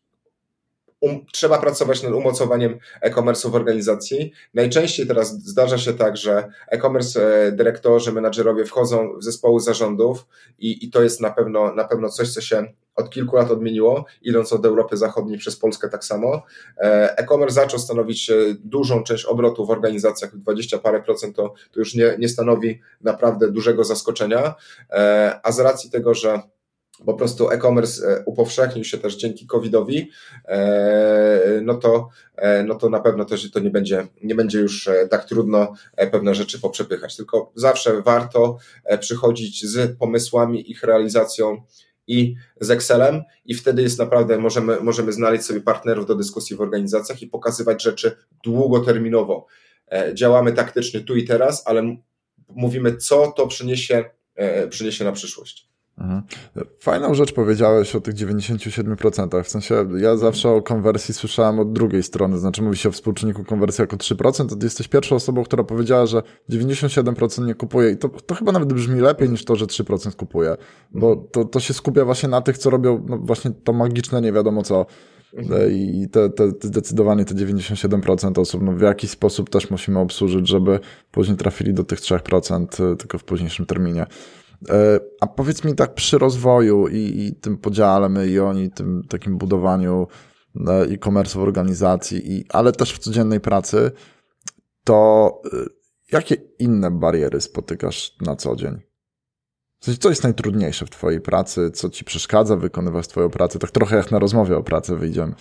Wiesz co, no to takie najważniejsze bariery zawsze przy, przy, przy e-commerce, no to co, takie dwa główne teraz, które widzimy, no to przede wszystkim jest HR i przede wszystkim cały czas jest gdzieś tam IT i technologia. Oczywiście możemy sobie do, e, do tego jeszcze dołączyć e, marketing. E, I teraz szybko, szybko przechodząc między, między tym HR-owo, no jest mm, ogromny deficyt specjalistów i pracowników. Wszyscy teraz chcą pracować jako, jako cyfrowi nomadowie i najlepiej, przecież ja pracuję w e-commerce, dlaczego ja mam e, pracować w biurze? Ja wolę pracować sobie skądś indziej, ale, ale z drugiej strony, no, tych kompetencji jest mało. Naprawdę znaleźć i utrzymać pracownika w e-commerce, no to jest e, rzeczywiście tam trudne. Ja się śmieję czasami jak e, rozmawiam z żoną, z kolegami czy z innymi osobami z branży, no to ja w telefonie mam headhunterów więcej niż, niż e, niektórych znajomych na naszej klasie kiedyś miałem. No bo liczba ich się zrobiła ponad, ponad setka wszystkich sobie spisuję i zbieram jak Pokémony. E, natomiast faktycznie jest ogromny deficyt specjalistów i osób, które nie tylko e, robiły już coś mają jakiś track record swoich projektów, ale też, e, też po prostu, no po prostu potrafią robić rzeczy, rzeczy specjalistyczne. To jest pierwsza, pierwsza rzecz. Druga rzecz, zawsze są bariery IT. W jakiej, w jakiej organizacji nie byłem, jest masa projektów, które po prostu się nie toczą. One są gdzieś tam e, finalizowane e, dalej i, i niestety tu jest, e, czy to przez dług technologiczny, czy przez brak zasobów IT, żeby wdrożyć nowe projekty, czy przez po prostu brak odpowiednich narzędzi jeszcze na naszym, na naszym rynku, żeby coś zrobić. No to to jest taka bariera rozwoju, rozwoju projektów. No i mówię o tej, o tych, o tych bolączkach marketingowych i to przede wszystkim przez ogromny wzrost kosztów akwizycji klienta, który się dzieje e, na co dzień. Przy marketingu trzeba sobie powiedzieć też o cookie consent i zmianach GDPR-owych, które weszły w życie. Jak sobie większość, większość firm może zobaczyć od mniej więcej maja zeszłego roku. Ci, którzy wdrożyli, e, wdrożyli to, co trzeba zrobić, no to trafik spadł o 20-30%, no bo klient musi e, zaakceptować cookie, cookie policy, dopóki, e, kiedy musi poruszać się na stronie, a inaczej nie jest liczony, bo skrypt analyticsowy się wywołuje jako skrypt marketingowy i tak to jest odbierane. E, więc rozknoczny koszt akwizycji klienta i masa nowych narzędzi marketingowych i dużo takiego, takiego nazwijmy to bicia piany w internecie. Pracujcie z influencerami. No, w branży beauty się to sprawdza, w niektórych może nie, ale teraz na Instagramie jest masa osób, które chcą Ci sprzedać e, swoje usługi, a nijak się to po prostu odbija w współczynnikach e, konwersji. Czy nie wiem, czy duży hype na TikTok, ok, no generuje nam wzrost ruchu, no ale sprzedaży z tego gdzieś tam jest mało, więc pracujemy tam tylko na przykład na brand awareness. Więc no, e, marketing, mówię, jest ogromną ogromną też barierą i ogromnym wyzwaniem, bo z jednej strony mówię rosnące koszty, e, wszyscy inwestują w e-commerce, więc koszty kliku się zwiększają. Narzędzi jest też całkiem, całkiem sporo, a też później w modelu atrybucyjnym, żeby wszystko było dobrze poukładane i żeby osoby też się zgodziły na, te, na ten model, no to to jest, to jest po prostu trudne i, i, i stanowi, stanowi barierę. No i ostatnią barierą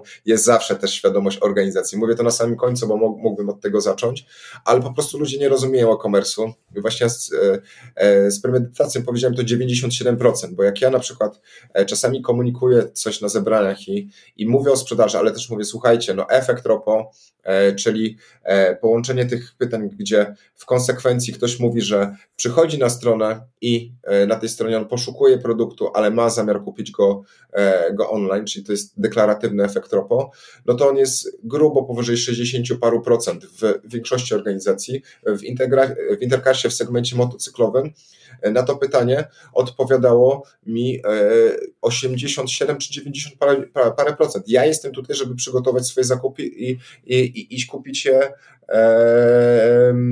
i iść kupić je offline, no bo wydając na, na e, kask czy na coś 3000, nie przymierzając go, no to niepotrzebnie sobie mrożę, mrożę pieniądze, więc zawsze musimy o tym, o tym mówić i przedstawiać właśnie ten e-commerce właśnie w, w, tej, w tym konsekwencji, że on jest tylko jednym z elementów tego e, purchase funnel, funnel.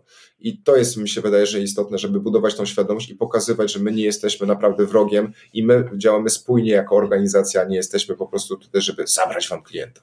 Mhm.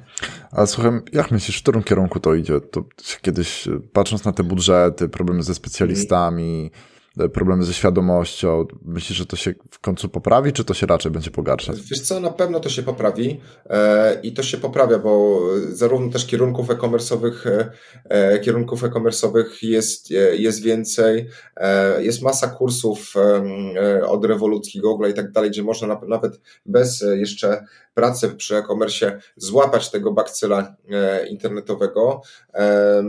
Izba Gospodarki Elektronicznej ma, ma dużo grup merytorycznych, więc osoby, które są członkami e-izby mogą zapisać się na szkołę gospodarki cyfrowej, mogą uczestniczyć w, w grupach merytorycznych i, i nabywać tych doświadczeń, więc to idzie w dobrym kierunku, ale pamiętajmy, że no, ja mówię z perspektywy organizacji, zespołów organizacji, ale 70% e, polskiego e-commerce'u, mówię liczbowo, e, no to, to są małe E, małe sklepy i działalności, nazwijmy to indywidualne, więc tutaj tych kompetencji jest dużo i to są bardzo wartościowe osoby, które można gdzieś tam złowić, e, złowić rynku. A w którą stronę będzie to operacyjnie działo, no to mi się wydaje, że w końcu ludzie zrozumieją, że, że e-commerce no to, to jest taki nierozerwalne miejsce gdzieś tam e, w e, ramach modelu biznesowego organizacji i to będzie, nie wiem, one commerce czy, czy all commerce, jak to takie zdania się już niektóre pojawiają i po prostu to będzie jeden z elementów organizacji. Dużą rewolucję na przykład robi LPP, no bo w LPP dział e-commerce został, mm, który był instytucjonalizowany, czyli był jako oddzielny dział, został rzucony granat i teraz te osoby trafiły do innych segmentów w organizacji. Dlaczego? No bo firma działa jako organizacja omnichannel'owa, więc no, my musimy też być zespołem rozproszonym. Więc e, no to jest coś, coś interesującego, które, e, co, co miało miejsce. Przy Decathlonie też mieliśmy jedną próbę budowania czegoś e, w ten sposób, to bardzo dawno temu, ale to jeszcze nie był ten czas i miejsce, żeby ta, tak robić. Też e, ostatnia rzecz, przepraszam, bo zmieniło się to w monolog. E, w organizacjach też osoby, które pracują, nie wiem, nad produktem, no to najczęściej pracują nad produktem dla retailu. Nie, no to też musi być zmiana świadomości, że ja odpowiadam za markę czy za produkt omnichannelowo. Tylko niestety jeszcze osoby, które bardzo długo pracowały jako, nie wiem, supply chain manager czy brand manager, no to fokusowały się przede wszystkim na, na tym, że, że znają retail a teraz no, nie możesz znać e, albo powiedzieć, że tylko znasz retail, to tak jakbyś, wiesz, po, w pewnym momencie powiedział, że no ja potrafię liczyć, ale na liczydle, nie? No, no nie, no, no nie. Okej. Okay. E, wiesz co, mi się te twoje monologi podobały. Ja się co chwilę łapię na tym, że się tak zasłuchuję, że zapominam o co zapytać. E, także ja, ja za te monologi jestem wdzięczny. Myślę, że nasi słuchacze też. Marek, e... pa pamiętaj, że jestem, wiesz, szczęśliwym mężem od 10 lat. Jak każdy, każdy, każdy, każdy prawdziwy facet, ja w domu nie mam nic do powiedzenia. Więc jeżeli ty mi dajesz przestrzeń, to możemy tu siedzieć, wiesz, cały weekend, nie? Tak, tak, to prawda, znam to. Każdy, każdy mąż szuka tylko okazji, gdzie może sobie spokojnie spokojnie po pomówić i mu nikt nie przerywa, nie? Pozdrawiamy wszystkie żony. Tak jest. Kuba, to jeszcze ostatnia rzecz odnośnie w ogóle układania sobie współpracy, bo częścią też pracy i wiem, że twojej też jest współpraca z firmami z, z zewnątrz. E, I jak sobie to właściwie poukładać? I, I, czy w ogóle lepiej się pracuje z zespołem in-house, czy, czy lepiej sobie zatrudniać go na zewnątrz, szczególnie w obliczu tych problemów ze specjalistami? Hu, hu, hu, hu, hu. E, I znowu odpowiedź typowo. To zależy. E, zależy od organizacji, zależy od układów. E, I tutaj też historycznie. W Intercarsie w dużej mierze przy takich rozwiązaniach IT mieliśmy IT wewnętrzne, więc to było IT francuskie, więc poziom współpracy był taki, jak sobie człowiek ułoży. Przy Intercarsie mieliśmy IT wewnętrzne bardziej dla B2B, dla B2C. E, pracowaliśmy nad rozwojem platformy z partnerem zewnętrznym. Przy Seforze IT jest wewnętrzny, więc pracujemy też w sprintach e, wewnętrznych. I teraz pytanie, jak jest lepiej? Zacznijmy od technologii na początku. Zależy, jak sobie poukładamy pracę z zespołem wewnętrznym, jak go spriorytetyzujemy. Oczywiście, jeżeli pracujemy z zespołem zewnętrznym, to my, jako mm, osoby, które zarządzają e-commerce'em, no mamy tą dowolność, bo my płacimy, więc wymagamy, e, więc e, no tutaj, drogi partnerzy, jeżeli nie masz zasobów, no to gdzieś tam nie bierzesz projektów, a jeżeli nawet bierzesz projekt i nie masz zasobów, no to jeżeli wyrobiliśmy sobie partnerskie podejście, no to potrafimy to zrozumieć, no ale zawsze możemy tego przysłowiowego, e, przysłowiową e, śrubę dokręcić e, od strony, e, od strony e, klienta. Więc e, mówię, pracuję, pracowałem w, w, różnych konspektach. Mi się wydaje, że w dzisiejszych czasach mocno nieprzewidywalnych warto pracować hybrydowo, więc i trochę tak, i trochę tak przy marketingu zewnętrznym e, na pewno warto pracować z firmami, e, z firmami, to znaczy warto wystandaryzować swoje pracę z kilkoma agencjami w zależności od, od potrzeb, jakie mamy, czy jeżeli na, na przykład nie mamy, e, nie mamy zasobów wewnętrznych, żeby, nie wiem, pracować z agencją SEO przez specjalistę, czy od performance'u pracować przez specjalistę wewnętrznie, czy od, e, nie wiem, z afiliacją sobie oddzielnie gdzieś tam pracować i tak dalej, no to bierzemy sobie agencję 360, która ma jednego key accounta i z nami, z nami w ten sposób pracuje.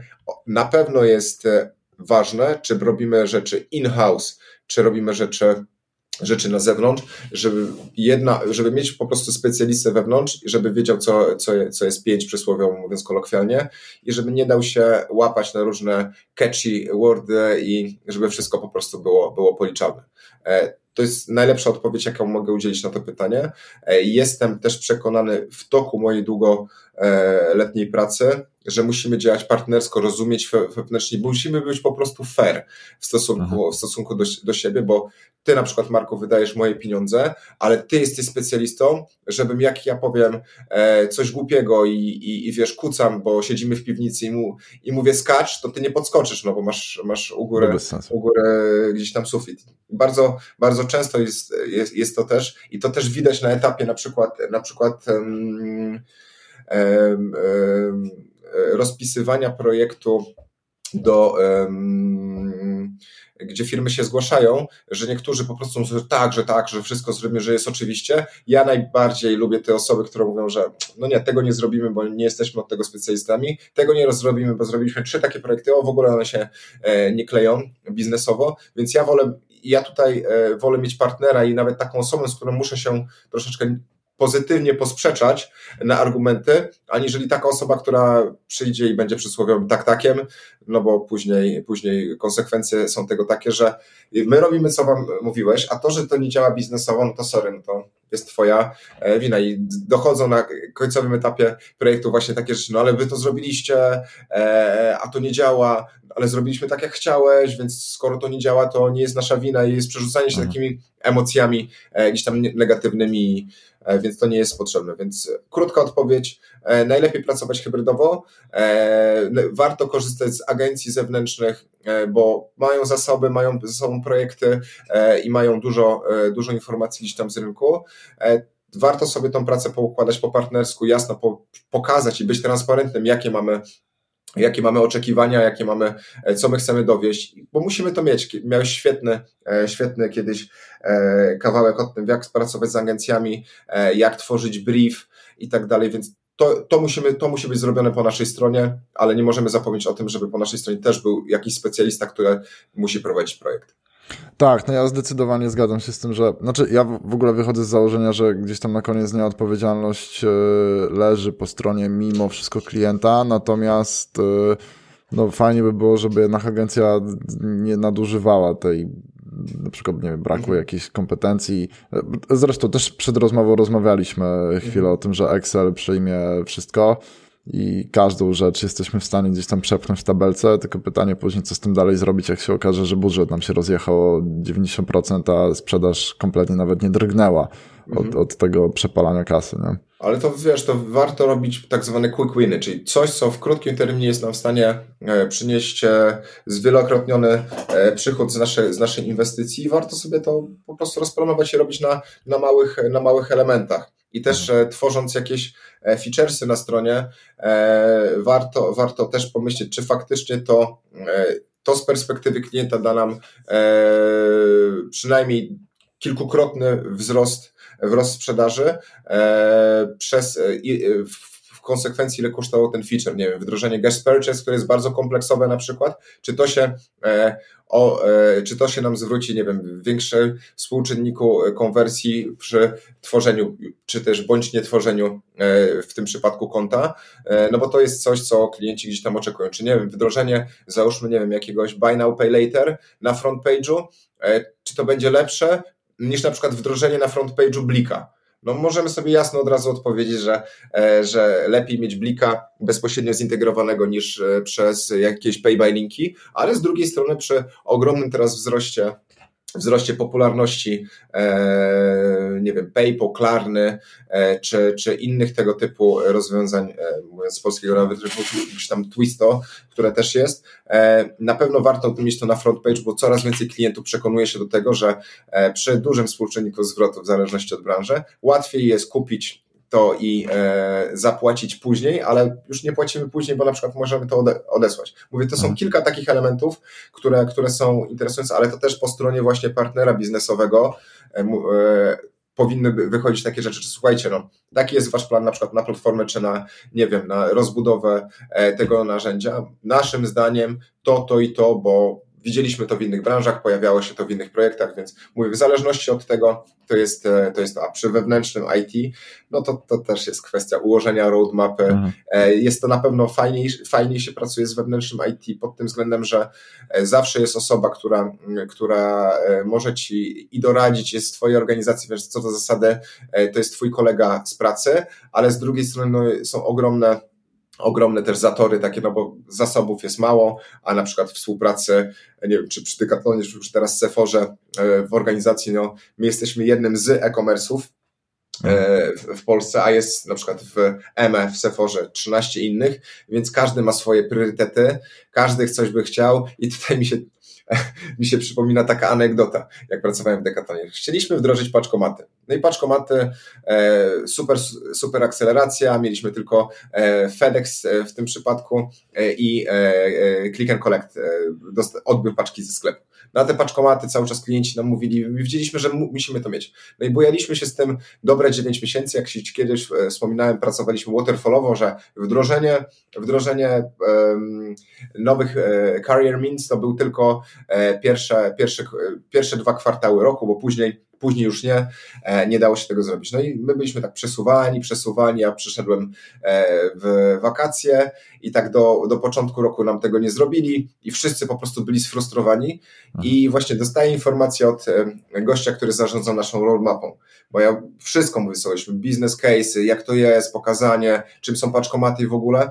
on mówi, że rozumie, że rozumie. Ja mówię, kurczę, Guillaume, proszę cię, wdróż to dla nas, potrzebujesz więcej pieniędzy, potrzebujesz, nie wiem, 20-30 tysięcy euro, żeby dla nas to dopchnąć, ja ci to dam. On mówi, Kuba, ale ty nie rozumiesz. Ja mówię, jak nie rozumiem? No ja rozumiem, że, że, że ja rozumiem, że muszę to mieć. On mówi, ty nie rozumiesz, bo słuchaj, takich jak ty, to jest Czech, nie wiem, ktoś tam ma z, z, z Szwecji, nie z Szwecji, tylko z Hiszpanii swój projekt, w Niemczech jest projekt i każdy chce go w jednym. Ja mówię, ale ja mam potrzebę. On mówi, dobra Kuba, to wytłumaczyć to bardzo prosto.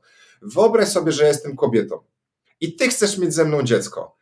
I dwie osoby inne chcą mieć ze mną dziecko. I wszyscy chcą mi zapłacić w tym samym czasie. Kuba, to się nie wydarzy w tym samym czasie. I tak mówię, przez tą prostą anegdotę dał mi do, do zrozumienia, że faktycznie no, trzeba dobrze priorytetować. A tak. oni priorytetują nie dlatego, żeby ci zrobić źle, tylko patrzą, co najlepsze będzie miało na ten moment efekty w biznesie. Tak, to jeszcze dla całej organizacji. Ja pamiętam, jak taką moją ostatnio najbardziej ulubioną anegdotą z pogranicza asertywności współpracy z firmą zewnętrzną była akcja, o której opowiedział mi jeden klient, że firma poprzednio zrobiła mu e, landing page pod akcję promocyjną za kilkadziesiąt koła i ta akcja trwała tam jeden czy dwa dni i to się nawet nie miało prawa zwrócić, bo to było po prostu niewarte świeczki, tam nawet takiego ruchu nie było, żeby to zmonetyzować.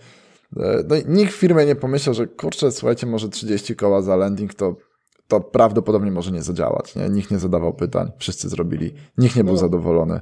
Współpraca się też nie ułożyła za bardzo, nie? No, to tak. Takich case'ów jest całkiem sporo. No, całkiem można sporo. anegdotami sobie, e, sobie sypać. Hertz tak samo płacił za, za transformację omnichannelową, nie omnichannelową, tylko cyfrową i skończyło się na kilku milionach wydanych na mock-upy i, i tyle. no i, tak. i, i, i, i tyle, no można odszukać.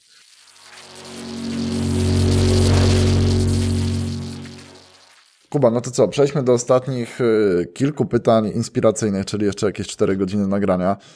E, i, I zacznijmy może to, nie wiem czy mi odpowiesz, nie wiem czy się odważysz, ale o taki twój e, karierowy, może być w okolicach projektów, e, taki twój ulubiony e, fuck up i ulubiony, ulubiony win, który zaliczyłeś. Ojejku, wiesz co, zastanawiałem się na, nad tym, przewidywałem, że może być takie pytanie i powiem Ci, że nie mam jakiejś takiej krystalicznej, e, krystalicznej stwierdzenia, co było takim moim dużym, dużym, dużym zwycięstwem albo jakąś tam ogromną, ogromną lekcją na, na przyszłość. Może zacznę od tej lekcji, bo mm, faktycznie mówiliśmy o, o, o współpracy przy, organi- przy, przy, różnych partnerach zewnętrznych i tego, jakim e, e-commerce manager powinien być człowiekiem. Powinien być na pewno człowiekiem, który rozmawia, buduje partnerstwo i tak dalej. I mi się kojarzy e, na przykład Intercars i projekt właśnie wdrażania Magento, jak Ci mówiłem, po, po dwóch latach e, pracy, pracy na, na Magento i z racji tego, że, że zarząd nie zdecydował się rozwinąć projektu za granicą, no ten projekt był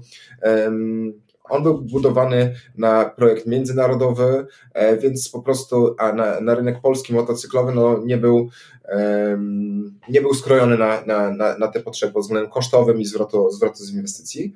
Więc po dwóch latach zdecydowaliśmy się na to, że, że ten projekt magentowy, mimo dużego sukcesu, zamykamy i przechodzimy na inne wewnętrzne rozwiązanie, które da nam, e, da nam podobne, podobne, to znaczy zapełni nasze potrzeby na rynku polskim.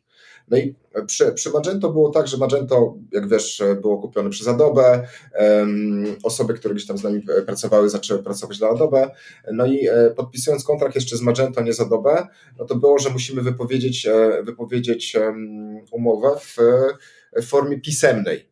No, wypowiedzenie było przeze mnie w formie, w formie mailowej do, e, do, do partnera i w formie telefonicznej. No i była cisza.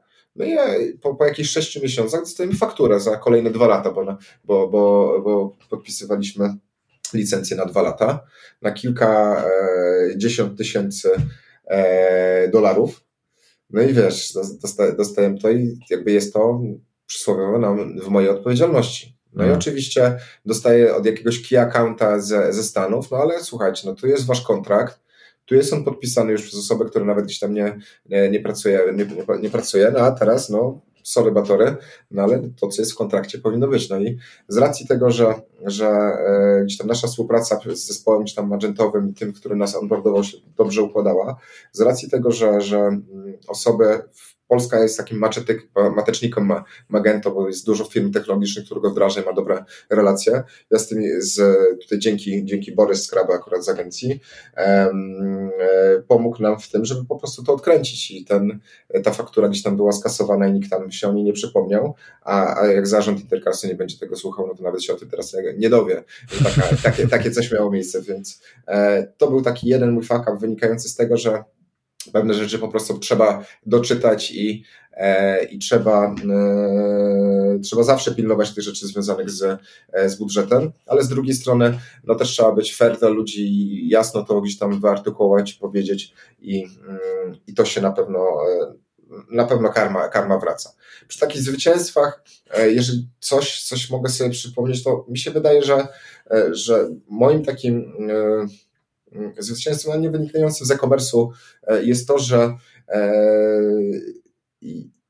ja lubię ludzi, lubię z nimi pracować, jestem dosyć empatyczny i patrząc po, po wskaźnikach rotacji, no ludzie ze mną pracują. I nawet przechodząc z organizacji do organizacji, e, te osoby gdzieś tam są w mojej, w w mojej orbicie te osoby gdzieś tam do mnie, do mnie wracając robią projekty, więc wydaje mi się, że to jest jakiś taki mój mój talent, że, że potrafię pracować z ludźmi, a tak bardziej bardziej formalnie odnośnie projektów, no to cały Decathlon no, jest ogromnym sukcesem e, i te rzeczy, które się tam wydarzyły. E, nie mam takiego jednego, który mógł powiedzieć, że tak, tu jestem z tego mega, mega dumny Cieszę się, że, że te projekty, które buduję, e, one są dobrze odbierane przez rynek.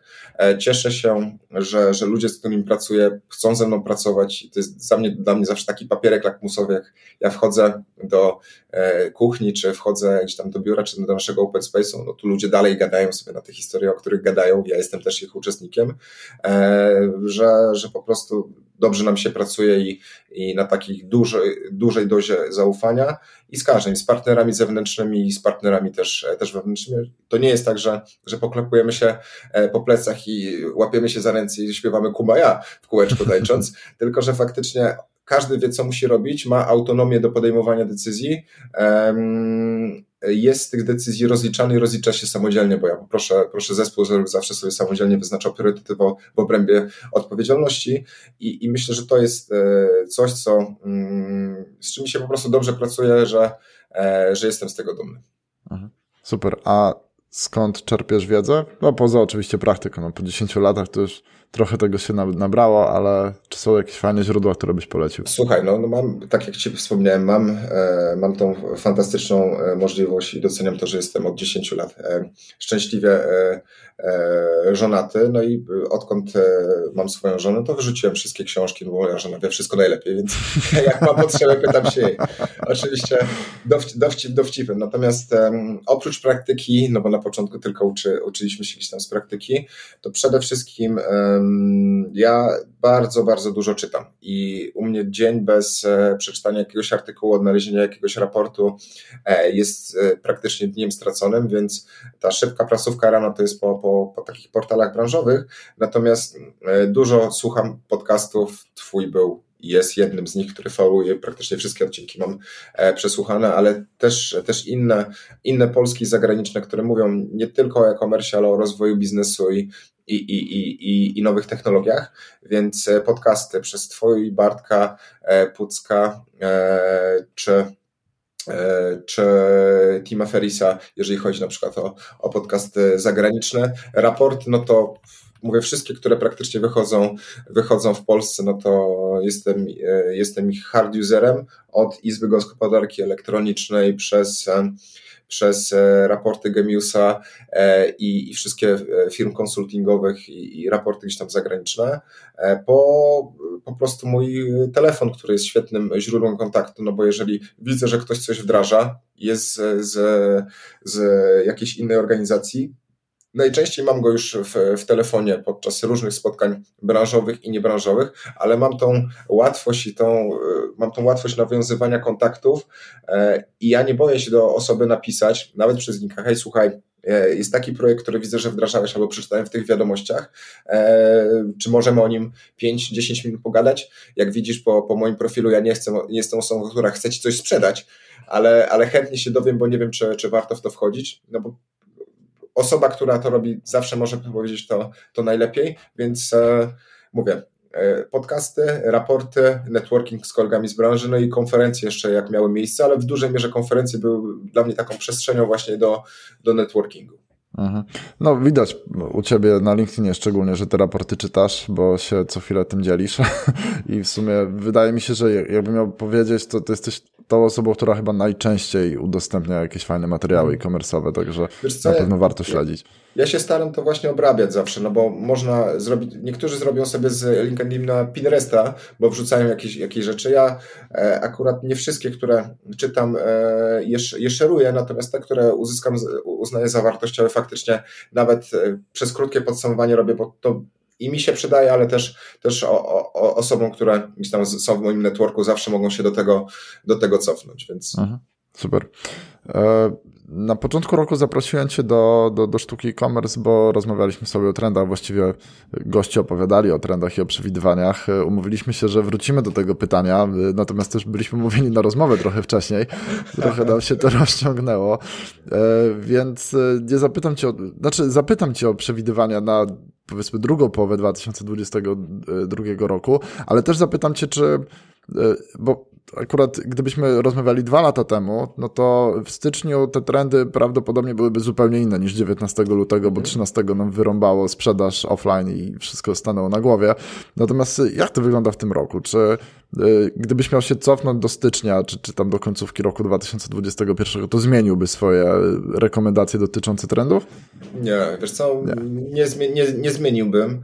E, z jednej strony, e, bo jakby trendy możemy e, analizować w krótszym bądź dłuższym, dłuższej przestrzeni, przestrzeni czasu e, i to, te, które ja wskazałem, przede wszystkim, e, jak pamiętam, mówiłem o marketplace, o the last mile delivery, o, o paczkomatach.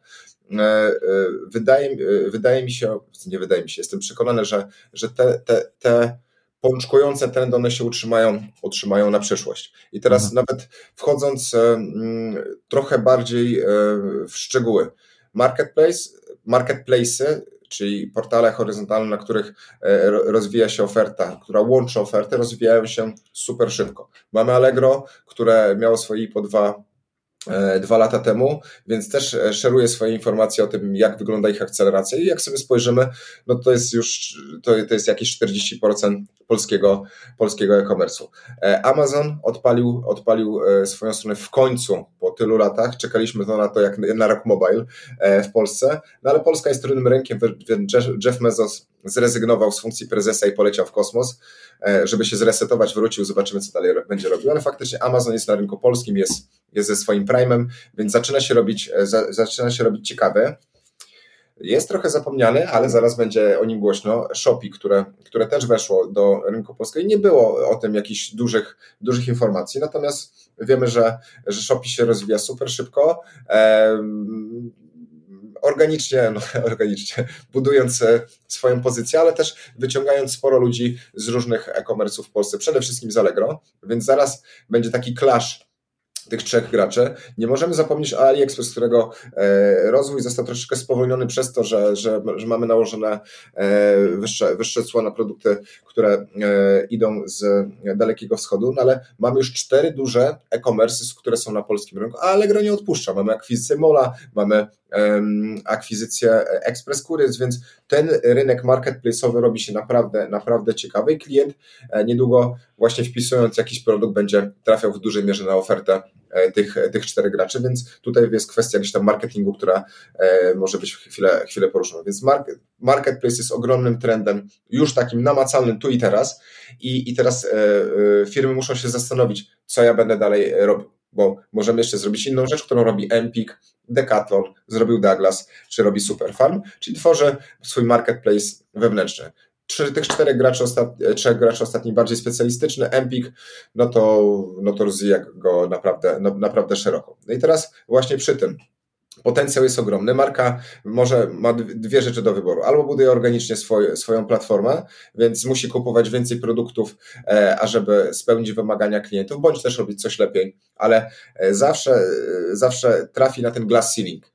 E, czyli nie ma już gdzieś tam możliwości rozwoju, możemy rozwijać się poprzez nowe kategorie i tutaj właśnie dochodzi nam do nas informacja, jak rozwijam się przez nowe kategorie, więc muszę zakupić więcej, więcej towaru, czyli muszę, muszę, muszę zainwestować i mam, mam swoje koszty, bądź też właśnie nadbudowuję sobie, sobie moduł marketplace na popularnym E, na popularnym e, jakimś narzędziu e, francuskim Miraclu na przykład i zaczynam agregować merchantów, których dopuszczam do siebie i kasuję od nich prowizję. No tutaj jest masa, masa różnych wyzwań. Bądź też wchodzę ze swoim marketplace'em, e, przepraszam, ze swoją ofertą na Allegro, czy na inne marketplace, o których gdzieś tam wspomnieliśmy, ale teraz wtedy e, no, pracuję na mniejszej marży, a, ale mam potencjalnie więcej, więcej klientów. Więc jakby marketplace są super ciekawą rzeczą, no i nie zapominając, nie zapominając o tym, no jest to jakby trudna decyzja. Choć wiesz, integracja,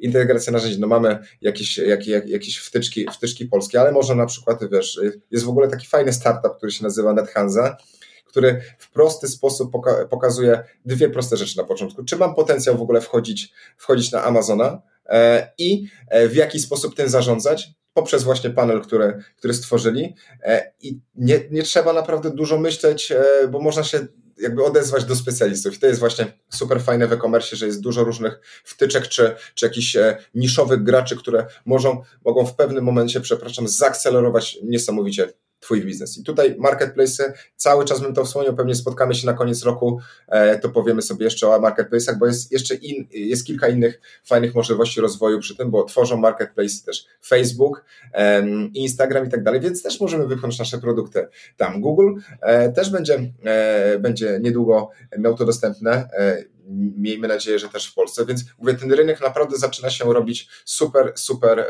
interesujący.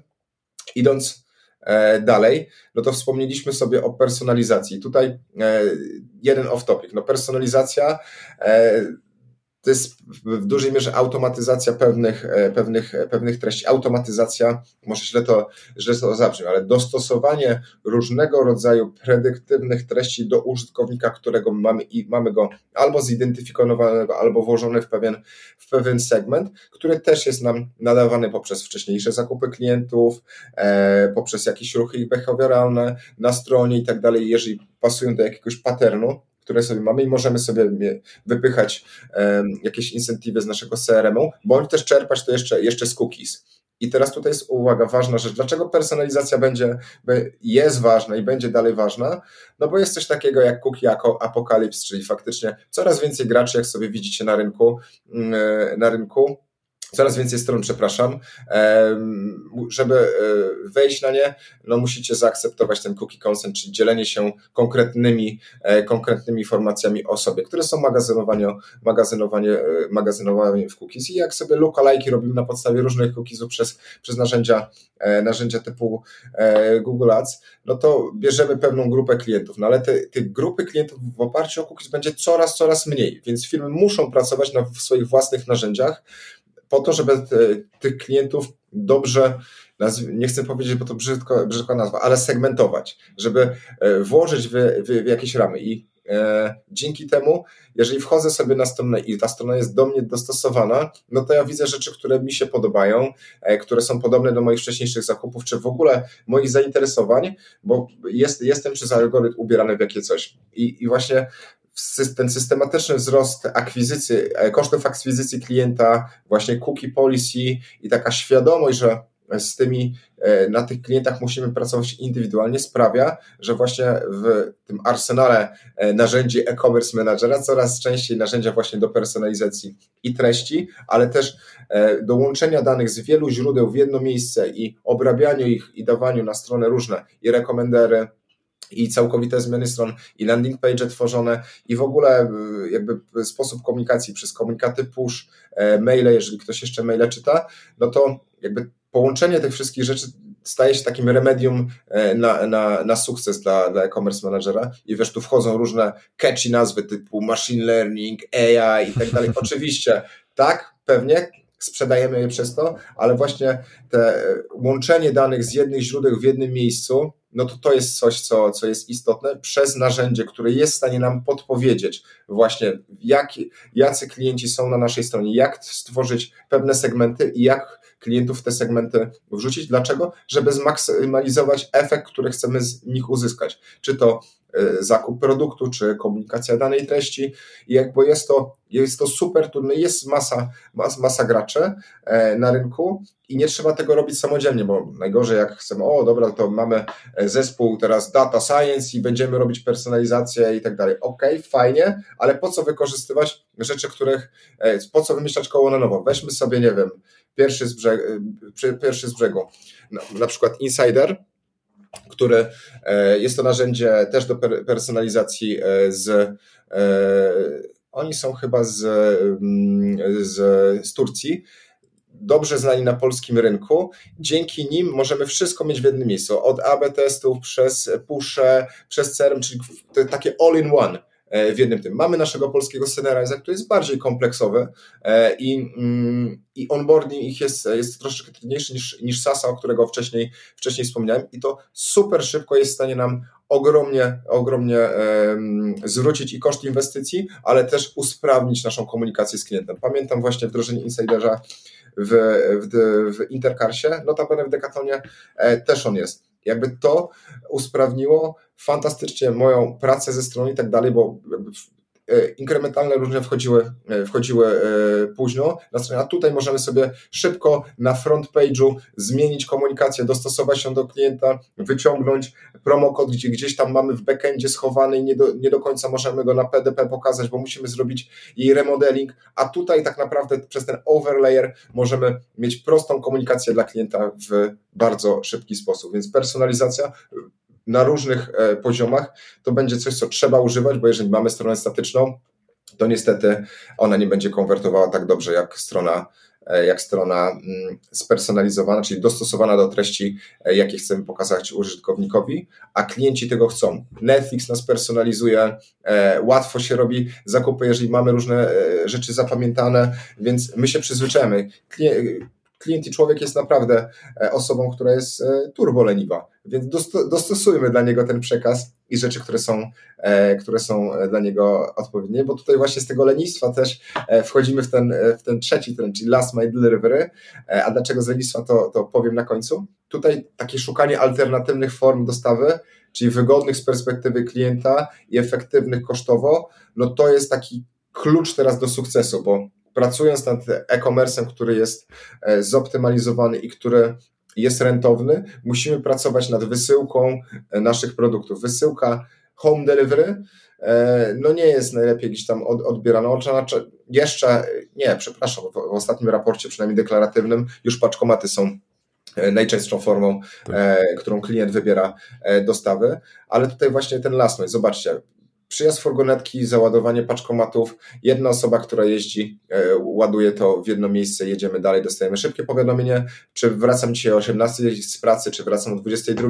Chyba jak nie ma wichury, no to jeszcze dłużej mogę odebrać paczki niż, niż 48 e, godzin, ale tak, i, i tutaj z jednej strony ratujemy, ratujemy planetę, no bo nie, musimy, nie musi ten biedny kurier biegać od drzwi do drzwi, chyba że coś jest z zoo plus jest ciężkie, więc warto, żeby dojechało do domu. E, ale tak, to jest po prostu wygodna forma dostawy produktów i jest, jest e, e oszczędniejsza niż, niż, niż home delivery, choć paczkomaty przez wzrost swoich cen, no niestety już czasami stają się tym droższym partnerem, ale na pewno efektywniejszym dla, dla, dla klienta. No i druga rzecz, która jest tu też super, super ważna, to jest to, że mm, przy, przy właśnie last mile'u i powstaje cała seria właśnie quick commerce'ów. Od dostawy tego samego dnia, którą zapoczątkował Express Couriers, który został teraz przejęty przez Allegro, do quick commerce'u, czyli to był w ogóle taki mindfuck, e, o którym sobie teraz możemy powiedzieć, bo kto jeszcze rok czasu temu sobie pomyślał, że jesteś w stanie, będąc dużej aglomeracji typu Warszawa i mieszkając po dobrej stronie Wisły, ja niestety tam, tam nie mieszkam, e, zamówić sobie dostawę i za 15 minut e, przez aplikację ktoś puka do ciebie do domu i dostarcza ci produkt. No to po prostu jest jakieś e, coś kosmicznego. Jeżeli, jeżeli ja to mówiłem moim rodzicom, no to po prostu nie byli w stanie uwierzyć, że takie coś jest możliwe. I teraz właśnie wchodzimy, wchodzimy w to. Mamy, mamy Liska, czy mamy właśnie jeszcze Jokra, w Polsce. Mm, i mamy na przykład e, żabkę, która jest fantastycznym takim papierkiem lakmusowym na nowe technologie i na trendy rynkowe, no bo mamy żabkę już, która też jest w stanie nam dostarczyć w 15 minut. I pamiętam, jak byłem na e, którejś tam imprezie izby i rozmawiałem sobie z jednym właśnie z menadżerów z, z żabki, e, nie obrazi się, więc, więc powiem, e, to to był mm, Dino Metaxa, śmieszna nazwa, bo, bo, się, bo śmieszne, śmieszne imię i nazwisko, natomiast, natomiast Dino wcześniej pracował w, e, w branży alkoholowej w Afryce. I jak sobie właśnie rozmawialiśmy o tym Last Mile Delivery, on mówi, że no, my wchodzimy właśnie w żabka, żabka już, ja mówię, kurczę, ale po co? On mówi, słuchaj, bardzo proste, żabka jest dostępna tam do 4,5 e, chyba miliona Polaków w odstępie mniejszym niż 100 metrów, często w dużych aglomeracjach, widzimy, że mamy po jednej stronie, stroną, stronie bloku żabkę, po drugiej. No i klient, żeby wejść w, nawet w kapciach, przejść się z psem po polskie espresso, może sobie pójść do, do żabki w przeciągu 10, 10 minut i wrócić. Ale właśnie przez to, że jesteśmy osobami też leniwymi, jeżeli e, my wyciągniemy sobie telefon, zrobimy sobie koszyk i za minimum chyba tam 20 zł dostaniemy pod drzwi za darmo, nie ruszając się z kanapy sprzed Netflixa, no to będziemy to robić. I właśnie e, Żabka, Żabka stwierdziła, że ich głównym konkurentem nie zaczyna być e, właśnie Carrefour, Express i tak dalej, czy inne sklepy convenience, które powstają, ale faktycznie nowe technologie. Więc dlatego, dlatego widzimy, że Żabka już zaczyna się rozwijać. No i jakby tutaj mówię, nie zmieniłbym tych trendów. Personalizacja, last mile delivery i marketplace moim zdaniem są takimi kluczowymi operacyjnymi trendami właśnie na nadchodzący nawet nie rok, ale perspektywę, perspektywę lat, a inne trendy, które faktycznie chłopaki też tam mówili, typu właśnie HR-owe i tak dalej, oczywiście to też będą e, istotne rzeczy. Czyli tak, mówiąc jednym zdaniem, będzie się działo. No, na pewno. Jak to w e-commerce? E, Kuba, no to co? To było prawie dwie godziny e, naprawdę mega merytorycznej rozmowy, pełnej przykładów, trendów i, i myślę takich, takich dobrych rad dla ludzi, którzy, którzy w to wszystko będą wchodzili. A jest w co wchodzić, bo nadchodzące lata z tego, co mówisz, będą naprawdę fajne i ciekawe. E, mi zostało właściwie ostatnie pytanie, pytanie, które zadaję każdemu gościowi, każdej osobie, która ma okazję wypowiadać się w sztuce e-commerce. Gdybyś miał zostawić słuchaczy z taką jedną myślą, apelem, hasłem, czyli taką jedną rzeczą, którą chciałbyś, żeby każdy po przesłuchaniu wyjął dla siebie i, i zostawił na dłużej, to co by to było? E, wiesz co, nie, nie zostawię ich e, z jedną z radą, ale mam zawsze takie prze, przemyślenie, żeby warto próbować, warto testować, nie poddawać się i robić to, co e, robicie najlepiej. Świetnie. Kuba, dzięki za Twoją wiedzę. Trzymaj się. Do usłyszenia następnym razem. Dzięki Marku, było niezmiernie miło z Tobą porozmawiać i pozdrawiam wszystkich słuchaczy. Nie bójcie się komersu, wchodźcie w niego i kropka. Mam nadzieję, że po tej rozmowie lepiej wiesz, jak rozwijać swoją karierę w e-commerce i jak poukłada sprzedaż elektroniczną w Twojej firmie. Zanim pójdziesz, standardowo moja prośba. Jeżeli uznałeś ten odcinek za wartościowy, podziel się linkiem do strony marekkich.pl lub do strony tego odcinka, czyli marekkich.pl łamany na 060, tak jak numer tego odcinka, chociaż z jedną osobą, która według Ciebie potrzebuje tej wiedzy. Pomożesz jej i mi, no i będziemy Ci za to na pewno bardzo wdzięczni. Pamiętaj też o tym, że warto śledzić mnie w social mediach. Masz do wyboru profile prywatne i fanpage zarówno na Facebooku, jak i na LinkedInie. Mi jest obojętnie, wybierz jak Ci wygodnie, ale myślę, że warto, bo dzięki temu będziemy w stałym kontakcie, a Ciebie nic już więcej nie ominie. Dzisiaj to już wszystko. Dzięki, że wpadłeś i do usłyszenia następnym razem.